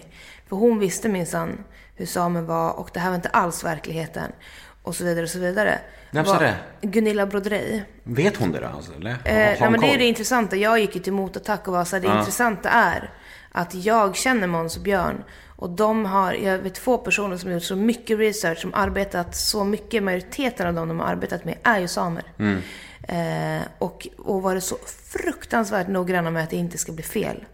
Och att de karaktärer som du tänker på, eh, så många är tagna från verkligheten. Evelina Getki, det är jag.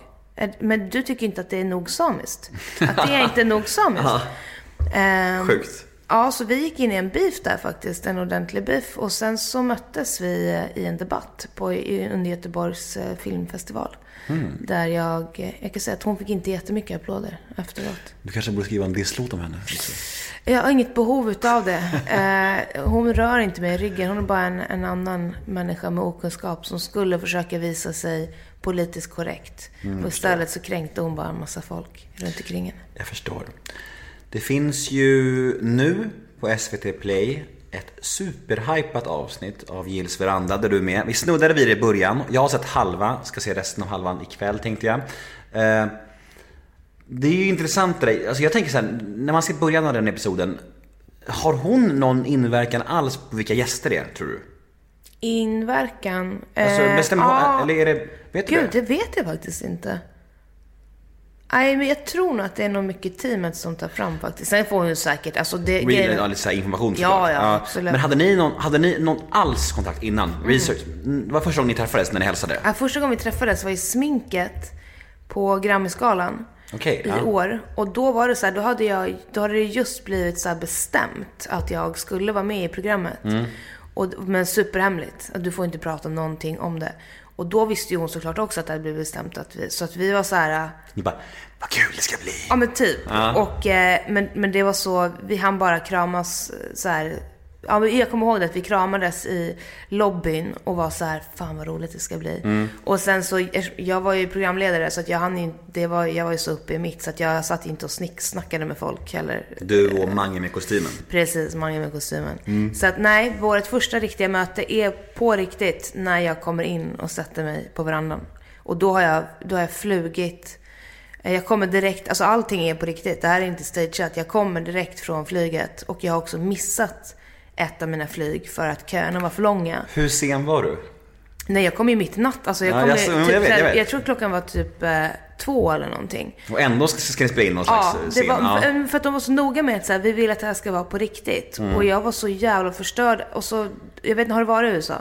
Jag har aldrig varit där. Nej. Jag vill dit. Det var min första gång också. Ja, men det där, säger du. Där var det verkligen så här, äh, du kan ju inte fjäska med, äh, du kan inte fjäska med folk där. Alltså så här, det, det är hårt på flygplatsen. Mm. I alla fall där jag var, med de som var där. Så att, att jag skulle missa mitt flyg, det var bara så här, ingen brydde sig typ. Ehm, så jag, jag var ju helt knäckt. Jag hade rest i fan 140 år. Mm. Och kommer, och de börjar filma mig i bilen. Och jag är jetlaggad, har typ varit vaken i två dygn känns Mm. som. Jag hade väl kanske varit det. Ja, du sa det. Det hade slagit över för dig nästan. Ja, du, var, du var typ trött, trött och Nej det hypad var när du kom helt fram. sjukt alltså. Ja. Och, och var så här, man känner sig full. Nej men så att vårat möte var när jag kommer ut där på verandan och känner mig bakis typ för. Vad, hur, vad, hur skulle du beskriva din medverkan och, och hela den, de dagarna? Var det härligt? Ja, det var fantastiskt. Mm. Det var verkligen. Och det är ju för att hon, alltså hon är verkligen en fantastisk människa. Jag vill verkligen trycka på det. Att det är här, eh, en fruktansvärt bra person. Henne ska du fan ha med i någon podd. Ja men det har Så. varit på G ju. Mm. Ja, just det. Eh, Jag skulle träffa henne den, Mm. den dagen du träffade henne Mm. sist. Ni Mm. var i någon morgonsoffa då tror jag tillsammans. Ja, det var vi. Mm. Men hon fick någon förhinder, hon har dubbelbokat någonting. Så Mm. vi, ska, vi, har ju vi har bestämt men det har inte blivit av än bara. Nej, jag fattar. Eh, Så det kommer bli av. Men vad skönt att du trycker på att hon är lite nice extra mycket så jag Ja, får liksom något att se fram emot. Hon är smart. Det är en jävligt smart eh, businesswoman liksom. Med väldigt stort hjärta. Mm. Eh, och pondus. Mm. Extrem pondus alltså. Så nu har vi alltså tipsat om eh, Midnattssol. Ja. Och vi har tipsat om Gills veranda. Ja. Vad, vad, vad mer ska vi tipsa om som du är het i? Ah, jag ser att... Eh, Jag är så men- jävla, jag syns överallt! Fan, jag, så här, jag har börjat typ tappa mitt minne känns som. Jag, jag tycker att det görs mycket grejer att jag eh, eh, glömmer bort det. Men nu, nej men vi kan tipsa om att det... jag vet inte, jag har en sån här period nu i december där jag försöker ta det lite lugnt. Och eh, sitter och gör en massa ny musik. Och sen händer det massa saker efter årsskiftet som, Mm. som jag inte riktigt kan outa med. Men... Du känns ju så otroligt, otroligt trygg i dig själv. Alltså så här, så här självförtroende, självkänsla. Har, har liksom, har, bryr du dig någonsin om, till exempel, vi säger om du släpper en ny platta och den blir sågad. Skulle du bry dig om det då? Eh, det, beror nog, det beror helt på vem det är som skulle såga den faktiskt. Att jag är ganska selektiv. Markus Larsson? Ehm, frågan är om jag hade brytt mig. Men det är klart att man alltid tar åt sig. Liksom, Mm. så här. Samtidigt, det där är ganska svårt idag. Som sagt, för det känns som att vi har ett klimat där folk är intresserade. Alltså så här, det ligger någonstans att alla känner sig tvungna att säga någonting dåligt. Att du kan aldrig gå ut och säga bara bra grejer, utan man måste lägga till något dåligt också. Att man blir nästan lite så här... Det, det ty- tycker jag att jag tänker på faktiskt när man lyssnar på så här poddar. För det är ju typ, Stockholm har ju en klick. Alltså en, en, och nu är det så här, det är en bloggklick och en poddklick liksom och så här. Eh, som är samma klick som musikerbranschen och tv-branschen och du vet. Och folk kan ju typ sitta och snacka skit om varandra. Och ändå är de polare sen. Alltså de kan Mm. sitta och snacka skit med varandra, eller om varandra på, på riktigt. Att de verkligen så tycker att den andra är dum i huvudet. Och sen så är de ändå och hänger på samma fest. Att så det är ett helt annat samhällsklimat idag. Att det är typ okej att tycka att, att alltså så här, säga lite dåliga grejer om varandra. Och sen Mm. att vi bara, vi, vi bara lagrar det som att det inte är något märkligt idag. Mm. Ehm, men, nej, men det är klart att jag skulle ta åt mig om min platta skulle bli helt sågad. Sen så, sen så är jag så här, jag skulle inte ge ut någonting som jag inte kan stå för till 110 procent. Mm. Och jag har, är det någonting jag har lärt mig tidigt och som jag verkligen faktiskt tänker på ofta och som jag försöker ge råd till människor. Alla kommer inte tycka om mig. Och det är inte mitt mål i livet. Och om jag bara accepterar att alla inte kommer tycka om mig, så är det helt mycket lättare att leva. Mm, ja, tack. Jag vill, jag, vill, jag vill bara suga in det där och Ja. hoppas att det fäster på mig. Ja, men, och det är så. Alltså, för jag tycker inte om alla heller. Men det betyder inte att jag lägger energi på att tänka på dem som jag inte tycker om. Men man kan inte lägga alla i fatet. Och förut så märktes inte det lika mycket. Alltså, en sak jag verkligen har tänkt på på senare tid, är så här. Alltså typ som nu. Du vet, jag hann ju bygga upp en bild utav dina grundvärderingar innan jag träffade dig. I och med att jag har lyssnat på dina poddar. 20 år sedan, eller ta bara 10 år sedan.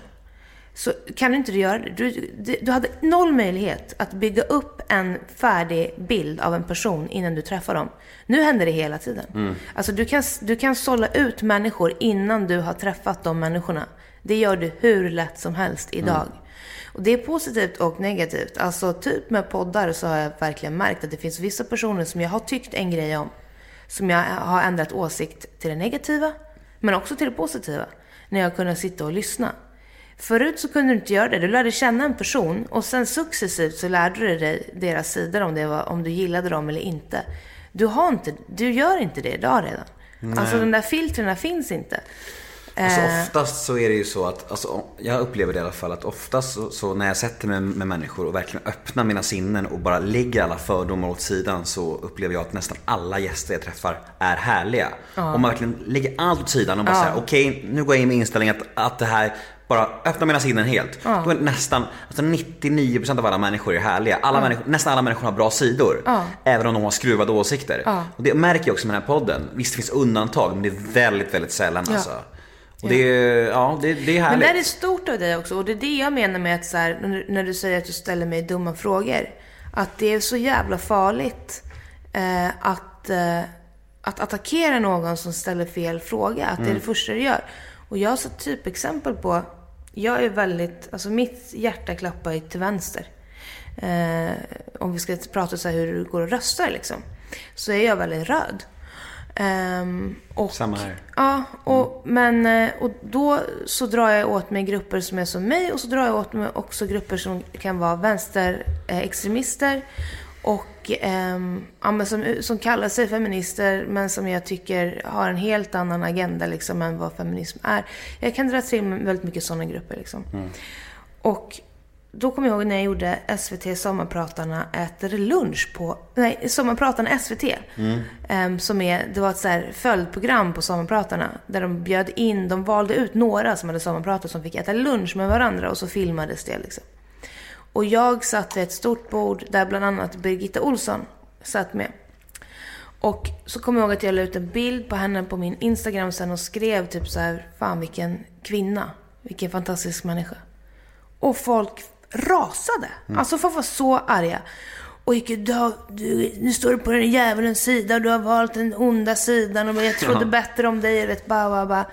Och då tänkte jag så här, alltså du vet vad hon röstar rent politiskt, var hon står rent politiskt. Jag har suttit och pratat med den här personen. Om jag hade gått in med inställningen att när jag möter henne så här, jag vet var du står politiskt. Och gått in med en jävla attityd. Inte velat ta hennes hand kanske och du vet så här, för att jag är så, är så starkt politisk själv.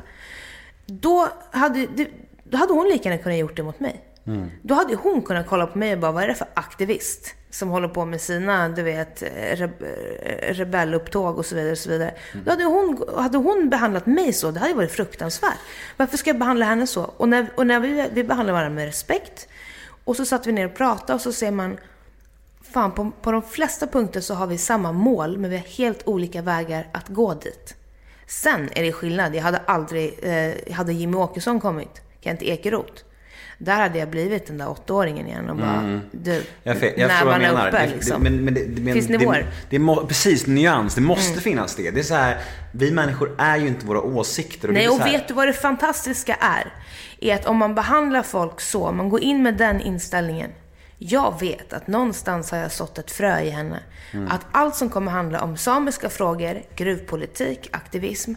Hon har en liten twist på hur hon tänker runt det nu. För att hon mötte mig och jag Mm. behandlar henne med respekt. Det ska ju vara målet. Mitt mål ska vilja att jag vill få henne på min sida inom mina hjärtefrågor. Inte stärka grupperingen. Så du hade en lömsk agenda ändå? Nej, jag Precis, bara. mycket. Jag skojar bara. Det är intressant att du säger det där med att poddare och folk hänger ihop och snackar skit om varandra. Ja. För att det finns en poddare eh, som heter Ja, känner jag. Ja, nu det här blippar vi då. Mm. Ja. Eh, han har ju sagt i sin podd flera gånger att jag är så dålig och så här. Och vi har aldrig träffats. Men han har sagt det flera gånger i sin podd. Och sen så addade han mig på Facebook här, här om veckan. Och då skrev jag bara till honom, jag bara Men varför addar du mig som att ingenting har hänt när du nämner mig och berättar hur dålig min podd är i din podd flera gånger? Tror du att liksom vi ska bli kompisar eller vad, vad är grejen? Och då svarar han inte bara. Nej. Och det är exakt det du beskriver. Eh, Det är det. Visst är det märkligt? Ja, men jag är inte sån. Jag, jag kommer aldrig vara sån. Jag kan, jag kan inte vara jag kan, jag kan inte spela den teatern liksom. Jag bara sa så här, jag, jag, jag är ledsen men du har gjort det här och jag har ingen lust. Tyvärr. Mm. Och då svarar han inte bara. Men ja, så är det i alla fall. Vi går vidare. Mm. Vad har du för relation till alkohol? En, jag har en väldigt eh, härlig relation till alkohol, ska jag säga. Faktiskt. Jag, eh, när jag växte upp så... Jag var väldigt ointresserad utav alkohol. Jag växte upp i ett hem där mycket släktingar och familjer runt omkring har lidit av missbruk. Eh, Men, det, men jag såg inte det, av det i min familj. Mina föräldrar hade inga... Alltså så här, det, jag var ganska gammal när jag insåg hur många andra hade växt upp. Eh, eller eller så här, vad, vad som var klassat normalt, rättare sagt. Att det har aldrig varit ett... Eh, eh, du får inte dricka här. Men, och det stod säkert en öl eller en flaska vin, du vet, på midsommarafton på bordet. Men jag tänkte aldrig på det, för det var aldrig någon som blev berusad av den.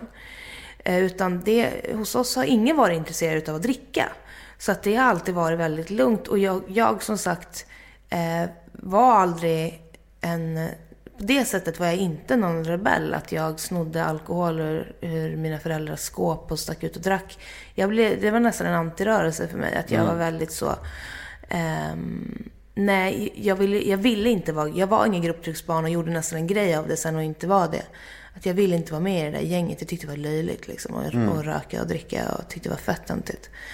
Eh, men sen ehm, så tog jag, alltså i nian kommer jag ihåg, då tog jag en, en riktigt vidrig fylla. Där jag kände att nu är det dags att vara full någon gång. För första gången. Och jag tror säkert att jag ljög ganska mycket om att jag hade varit full innan. Ehm, alltså bara för att jag tyckte att det var jobbigt att folk typ kanske pratade om det på ett visst sätt. Och då tog jag en så vidrig jävla fylla.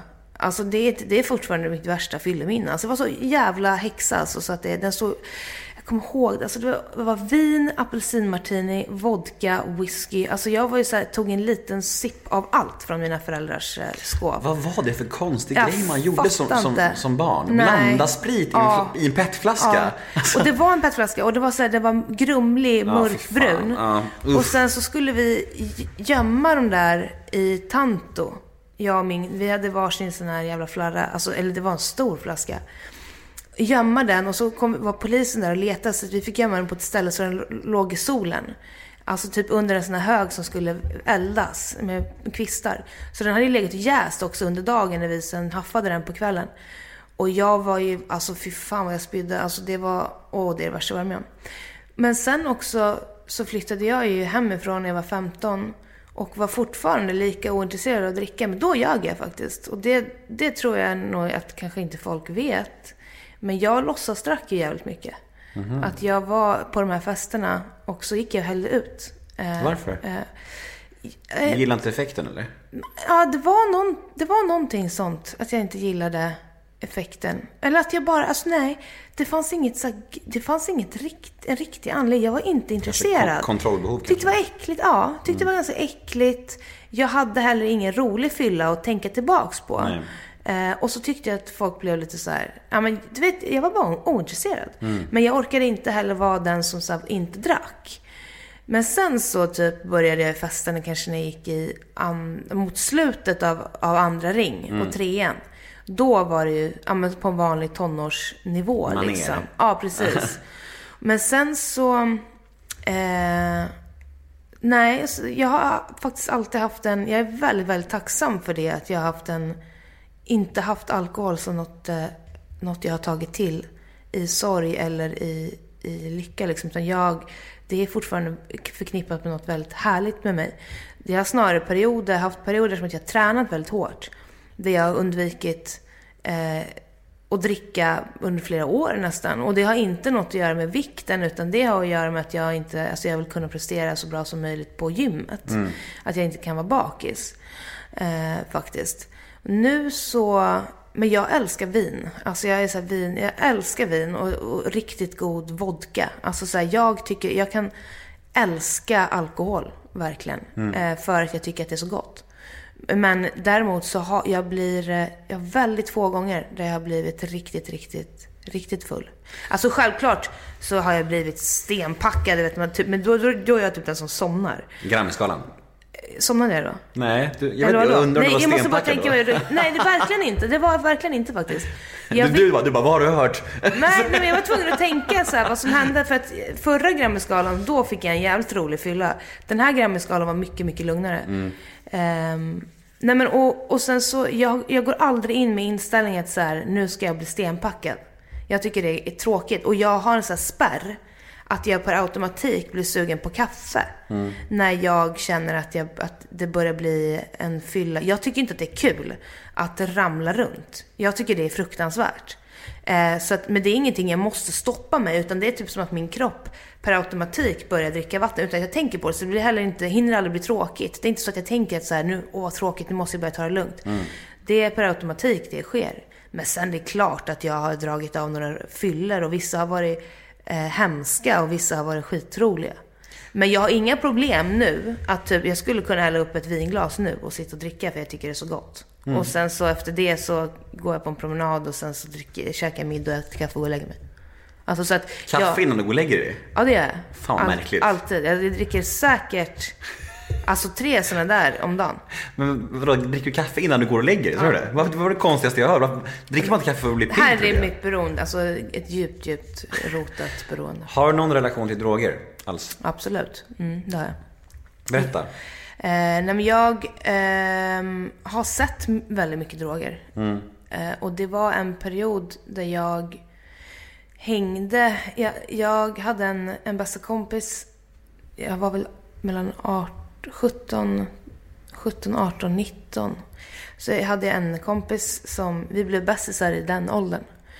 Och hon började dejta en, en kille som var eh, världens snällaste. Och sen under tiden vi hängde, vi började hänga skitmycket med varandra. Under tiden vi hängde så ehm, började han arbeta för en, en kriminell gänggrupp. Liksom.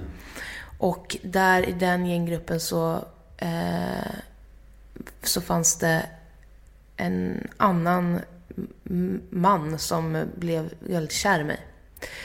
Och eh, det blev per automatik att det blev vårt umgänge, vår umgängeskrets. Och de som har varit i, i som, som kan någonting om kriminella gäng vet att det är väldigt eh, sällan smutsigt.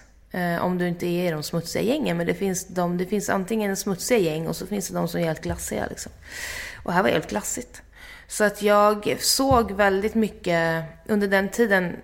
Jag kanske var den enda av brudarna i den där umgängeskretsen som hade ett heltidsjobb och som eh, hade ett liv vid sidan om. Ehm, men jag såg väldigt mycket kokain och vad som hände med människor som inte eh, skötte sina jobb. Alltså då var jobb, ja. Och hur folk försvann hit och dit och eh, jag, jag är väldigt, väldigt stark drogmotståndare. Det skrämde mig ganska mycket eh, mot slutet och se vad som hände. Vapen och droger gick hand i hand, det är det jag såg. Och sen så med gräs och sånt där som folk, jag anser fortfarande det var för mig, för mig är det en drog, alltså röka gräs.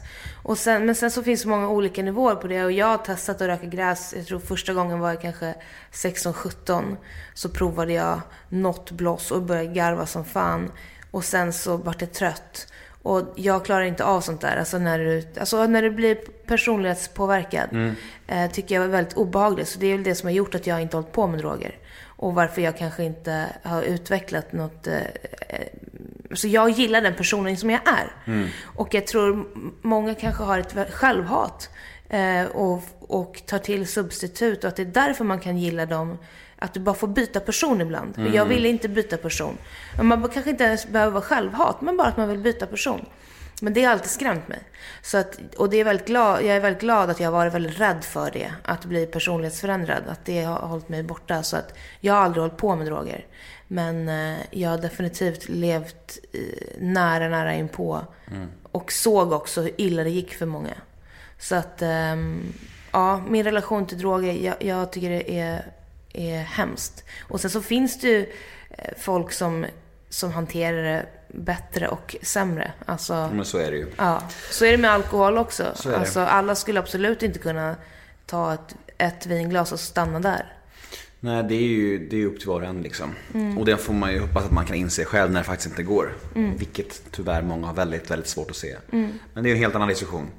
Ehm, nu har vi kommit fram till segmentet ett ord om. Oj, ja. Det har du, har du hört förut Ja, det har jag faktiskt. Ja, då, då har du koll på vad som kommer komma nu. Nej, vi har ingen koll på personer. Men Nej, jag får säga ett ord som jag, jag tänker på. Va? Ja, du ska säga första ordet som kommer i ditt huvud när du hör namnen jag säger. Ja. Mm. Alex Schulman, Smart. Marcus Birro, Knasig. Sara Larsson, Artist. Jimmy Åkesson, Gris. Leif GW Persson. Trött. Bra. Distinkt. Mm. Jag gillar det. Tre stycken frågor, tre stycken små, små brev eller mail vad man ska säga. Mm. Första lyder så här. Hej Maxida, vad är historien om din näspiercing? Alltid kul att höra olika historier om eh, vem som de tyckte var snygga i det och hej och. Fan vad roligt. Ja. Eh, Faktiskt, min näspering har jag, har jag haft sen jag var 14-15 tror jag. Mm. Vilket är väldigt länge då. Eh, och när jag... Halva livet. Ja, verkligen. Eh, och när jag tog den så var det verkligen inte klassat som någonting snyggt. Så jag tillhör en av de som blev så här förbannade nästan när de började sälja låtsas piercingar på H&M typ och glitter. Jag bara what the fuck is this? Det här är punk. Eh, Jag har väldigt många piercingar egentligen i mitt ansikte faktiskt. Eller väldigt många, vad har jag? En, två, tre, fy- fyra. Fyra har jag. Eh, Och alla har jag tagit själv. Så Oj. att jag var en ver- alltså där, Rebell. Exakt. Det, ja, men jag fick ju inte ta den. Jag fick ju inte ta den och då blev det mer så här. Och du vet, jag är uppväxt med, med en gammal punkmamma. Um, alltså alla hade, när jag växte upp, alla runt omkring mig hade alltså 20 hål i öronen. eh, med guldringar eller silverringar och du vet så här långt hår i hästsvans och skinnpaj liksom och leopardtights. Ehm, så jag har, alltid, jag har alltid älskat piercing. Jag tycker det är så snyggt. Eh, och sen så har man ju haft perioder när man var mindre snygg. Men, så den, men det var en sån där grej som jag tog för att ingen annan hade det. Och jag ville, liksom, jag ville Sticka ut. Ja, ha någonting som inte alla hade. Och folk tyckte det såg för jävligt ut. Och tyckte nog det fram tills att det blev ganska trendigt. Det var ju bara, det var ju bara punkare som hade det. Eh, när jag var i den åldern. Alltså de som, eller de som kallade sig för punkare. Jag var ju inte det. Jag var ju en, en inte alls, såg inte alls punk ut. Men hade den här piercingen. Så nu är det, ju- har ju gemene man har ju det och 98% har inte ens en riktig. Men jag satt hemma och, Och tog... du fräser att lite för dig själv när du ser någon som Ja, kommer lite. med... Ja, så fan bytte ut sig. För där satt jag med en jävla skinnål och tryckte igenom näsan. Och sen tryckte jag igenom läppen. För fan vad fult det var alltså. Men det är helt sjukt att jag har så bra läkkött. Jag har aldrig haft en infektion, aldrig haft något problem, ingenting. Utan- Grattis. Ja, tack. För att det såg för jävligt ut på, de, på andra som gjorde samma sak kan jag säga. Hej Maxida! Hur tror du att din levnadssituation hade sett ut ifall du hade bott kvar där uppe i Jokkmokk? Ah, fy fan, det är jätte, jätte, jättesvårt. Alltså, att svara på den frågan. Eh, min levnadssituation. Alltså, jag hade nog varit eh, fortfarande, alltså, fortfarande artist. Alltså min, min, och jobbat på så sätt. Men jag tror att jag hade varit... Det är jättesvårt att svara på. Däremot hade jag varit mycket mer ledsen. Och mycket mer, tror jag, instängd och isolerad. Ja. Säkert utvecklat nå- något väldigt bittert och mörkt, tror jag. Och kanske inte varit med här. Nej, precis. Mm. Tredje frågan är, det är här är dock flera frågor inbakade i en, men vi får försöka få med allihopa då. Äntligen, Smiley! Jag har lite blandade frågor. Jag undrar hur hon blev inblandad i Östersunds kultursatsning. Det är första. Den andra är, hur har hennes liv förändrats eh, sedan hon blev mamma? Och sista är hur man får sådär långt och fint hår och vad som inspirerar henne. Det är fyra frågor i Ja, en. verkligen. Så första ÖFK då. Nej, men det var... eh, för de som inte vet så var jag konstnärlig ledare för Östersunds fotbollslag. Varje år... Mm. Ett jävla superlag för övrigt. Ja, fy fan vad de Typ- Mm. bra. Du vet, när jag kom dit, då, då, s- alltså, det var ju så många som sa att de eh, inte var ett superlag, om vi säger så. Eh, och jag är så jävla glad att de eh, bevisade motsatsen. De är ju i 16-delsfinal i Europa League nu, vilket är helt bisarrt. Nej, helt bisarrt. Helt bisarrt. Eh, nej, men det grejen att den klubben är så eh, fantastisk. För deras eh, klubbchef där, eller vad man nu kallar det. Eh, de gör ett projekt varje år vid sidan om eh, att spela matcher som ska ha ingenting med fotboll att göra. Utan ett kulturprojekt. Det kan vara allt från att dansa Svansjön till att sätta upp en körensemble. Eh, ensemble, ehm, till att till exempel nu en hiphopföreställning. Allt för att de har tron att man blir en bättre spelare. Du levererar bättre om du, blir, eh, om du får ta del av eh, annan kultur, helt enkelt. Så att i år så var det Sápmi på temat för att de är i Östersund och Östersund tillhör faktiskt Sápmi. Men att det säkert också har legat i tiden allt det här. Sápmi har varit väl på kartan ett tag. Att de kanske också snappade upp på det temat att säga, vad fan, vi, vi vet ju ingenting om Sápmi. Vi, vi kopplar inte ens Östersund till att det har något med Sápmi att göra. Men vi vill ju också kunna prestera och leverera någonting på scen. Vem tar vi då? Vi tar Maxida Märak som, är, som, eh, som lever och, och verkar i Sápmi och är same, och, men även är producent och artist. Liksom. Asfett ju. Mm. Och nästa var hur om hennes liv förändras mycket sen hon blev mamma. Alltså, att bli förälder. Och folk är så här, är nästan lite rädda att prata om det, för man vill inte trampa dem som inte har barn på tårna. Men jag Det måste har jag ändå- märkt ja. jag att man gör när man skriver om lyckan att vara förälder. Att folk som inte har barn bara, det finns faktiskt annan vits i livet. Och det vet jag, men jag måste vara helt ärlig med att säga att det är det mest fantastiska som har hänt. Och för mig, alltså man blir så chockad av den kärleken. Det finns ingenting som skakar om en så mycket som när du får barn. Och det finns de som kanske har andra sådana saker som har hänt i livet, men för mig, alltså jag blev liksom över en natt nästan. Klokare, smartare, snällare. Eh, lärde mig tänka långsiktigt, fick ett helt annat fokus. Och det är väl kanske för att du, alltså du får mer kärlek. Alltså det föds någonting, som ett extra hjärta växer i- till sid- sidan om det där hjärtat du hade från början. Så kommer ett till som sen bara omsluter ditt första hjärta. Så att du blir en, fan en bättre människa. Eh, Du beskriver det väl. Ja, men och det är ju så. Alltså, du, vet, du som har barn vet ju att det är så här, för första gången i ditt liv så vet man att hade det stått i valet och kvalet att du skulle hugga av alla dina lemmar eller rädda ditt barn så hade du själv sågat av dig dina lemmar. Och du kan inte, jag kan inte säga det om någon annan person. Jag kan, jag kan inte säga det om någon annan person att de framkallar den känslan i mig. Men för min, när man blir förälder så är det plötsligt så öppnas det det här tredje ögat som man kan prata om. När man förstår att aha, långsiktigt tänkande, det är faktiskt en grej på riktigt. Det är inget vi säger bara för att det låter bra. Nej, det jag- finns en generation på riktigt som jag måste ta hand om och rädda. Nej, jag, jag, jag blev helt chockad. Alltså helt chockad över kraften i, i kärleken och känslorna. Alltså, jag trodde ju såhär, ja, det kommer säkert vara, vara häftigt såklart. Mm. Klart det kommer vara coolt, såhär, åh vilken ball känsla det kommer vara. Men alltså man är, man är helt, man har ju ingen aning Nej. innan. Ingen, och Nej, det är omöjligt att förklara för någon. Det är det. Och jag vet hur provocerande det här kan vara för folk som inte har barn. Men för jag själv minns när jag inte hade barn, folk som pratar om det, jag bara åh, håll käften. Ja, ja. Men nu är det bara så här. det finns ingenting som Nej, går att jämföra. Det är så starkt. Mm. och coolt och det är så här. Och man tänker så här, hur futtigt livet var innan, Mm. tänker jag också. Och ni, jag vet att man inte får säga så här, men fan skitsamma, det är min podd. Vi säger vad vi Skitsamma. vill. Yes, Yes. whatever the fuck I want. För det är så. Det jag också märkte var att blev så... Det var ju när jag fick min dotter som jag valde hela min eh, karriär. Alltså där det blev tydligt för mig vad jag skulle hålla på med. Och det är för första gången det jag verkligen såg framför mig när det är dit jag ska. Och det var när jag fick barn. Alltså att det, och, och, det, och, det liksom, och, det, och det var inte för att så här, för att jag ska kunna ge henne det och det. Nej, för att det föddes något fokus i mig som jag inte hade haft innan. Så innan jag fick barn så hade inte jag det fokuset. Och det, kom, det kanske bara kom, kom, kunde komma för mig när jag fick barn. Jag vet inte. Men eh, så när folk säger så här, varför gör du det här? Det här jag gör det för mitt barn. jag förstår vad folk menar när de säger det. Och har man inte barn så kanske man inte fattar. Då är det så här, ja, nej men varför gör du det? Nej, men för att det är på riktigt. För att mitt, mitt barn öppnade upp så många delar i mig. Och också den personen som eh, lärde mig att klippa, klippa destruktiva människor runt omkring mig. Kunna välja vad man lägger sin energi på. Alltså du vet, nej, det finns något som är så mycket större. Så länge hon är lycklig och mår bra, alltså resten kvittar. Det är därför man kan säga, du vet, jag kan ha fett dåligt samvete för att jag mår dåligt och är sjuk och måste ställa in någonting.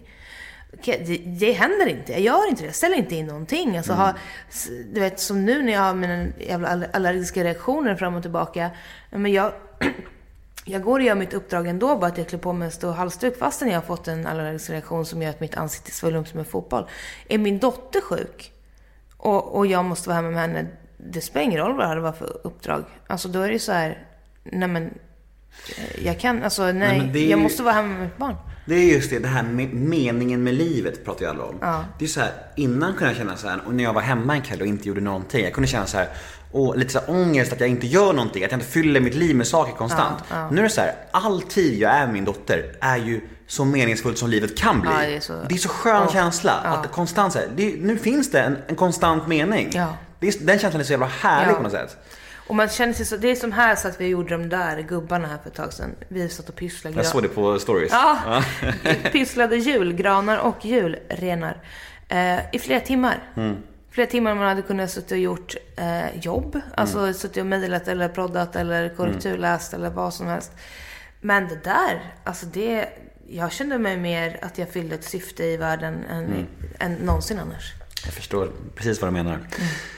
Okej, hur man får sådär långt och fint hår och vad som inspirerar henne. Ja, vad roligt. Så jag följdfråga på det. Ehm, nej, jag ska vara helt ärlig. Jag, jag är så jävla dålig på att ta hand om mitt hår. Det här är bara gener. Alltså, eller det är väl gener och kanske inte vet jag. Extensions. Nej. Nej. Nej, nej, nej. Jag har inga extensions.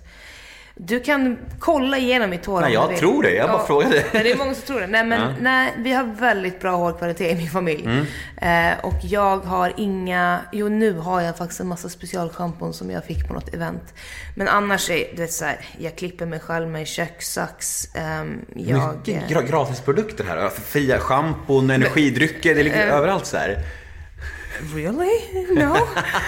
nej, nej, jag skojar, skojar alltså- bara. Vi klipper det där. Nej, det är ingen fara. Nej, men det är gener och sen så absolut så, så tror jag kanske att eh, överlag, alltså, jag, är, jag stoppar inte i mig massa skit. Alltså så, och jag vet inte om det har något med något att göra, men nej, här skulle jag bara tyvärr vilja säga att det är genetiskt faktiskt. Och vad inspirerar dig? Eh, det som inspirerar mig, det är...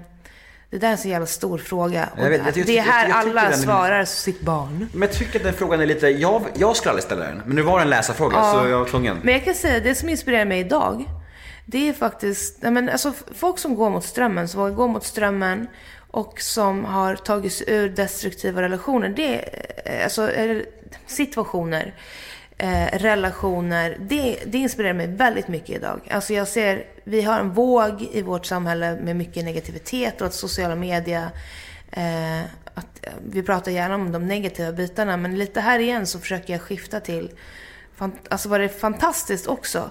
Jag blir så jävla inspirerad av att se folk som till exempel dig, som har levt destruktivt, som har valt att, att så här, som ändå valde väg, valde en god väg och som jobbar hårt för att kunna vara kvar i den icke-destruktiva situationen du har idag.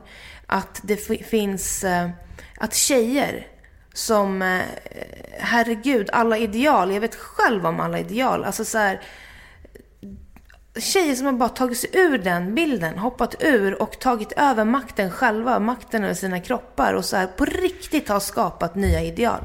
Alltså det är social media, det är unga tjejer på sociala medier som har skapat nya kroppsideal för, för kvinnor. Det inspirerar mig. Det, jag tycker det är så jävla fett. Alltså människor som vågar gå mot vinden, eh, eller gå mot strömmen, inte vänder kappan efter vinden. Eh, mitt sätt att ha gjort det, det var ju till exempel ja, men som mina politiska ställningstaganden när jag bodde i Jokkmokk. Det var ju flera år utav ensamhet när det var så. Folk tror ju typ att jag var så här. Alltså folk såg på mig med de här ögonen. det var ju inte så. Jag var ju ensam och utmobbad på många. Det, var ju, det är ju när jag har blivit inom situationstecken känd. Synts i TV med Sápmi Sisters och Grammisgalan och Polarpriset och fucking Gills varandra. Då blir det populärt att tycka om mig. Alltså vi snackar flera, flera år av ensamhet och eh, utmobbning. På många, många, många, många platser. Eh, och att jag ändå, där jag kan bli stolt över mig själv, att jag ändå stod fast vid mina åsikter. För att nu skördar jag.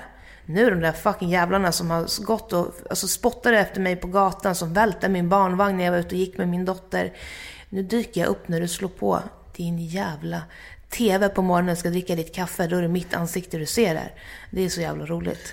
Vår tid är nu. Vår tid är nu. Jag tycker det var väldigt fina avslutningsord. Mm. Eh, om man vill följa dig på... Eh, du finns lite överallt. Ja, det är jag. Vart- Inte vart- Snapchat. Nej, inte. Våga vägra Snapchat. Ja, det, du är med Det är så jävla tråkigt. Alltså, jag, jag tycker den är tråkig. Ja, Jag har aldrig haft det ens. Jag, jag är nog den enda i Sverige som inte har haft det. Jag har försökt skaffa det kanske fyra gånger. Jag, läs, jag glömmer bort efter en timme. Så, ja. Ja, det är bra. Det är vi två som inte har det i hela Sverige typ, så det är bra. Eh, Men du finns på Instagram. Ja. Där heter du? Maxida Marak. Mm. In och följ dig där. Man. Och, eh, och vi har redan pushat för dina grejer som du är aktuell i. Så den, pu- den punkten betar vi av tidigare. Yeah. Jag heter Nemo Idén på Twitter och Instagram. Hashtaggen är NEMOMÖTER. In och gilla oss på Facebook. Nemo möter en vän. Vi säger stort tack till Maxida. Nemo är en kändis, det största som... Hej då!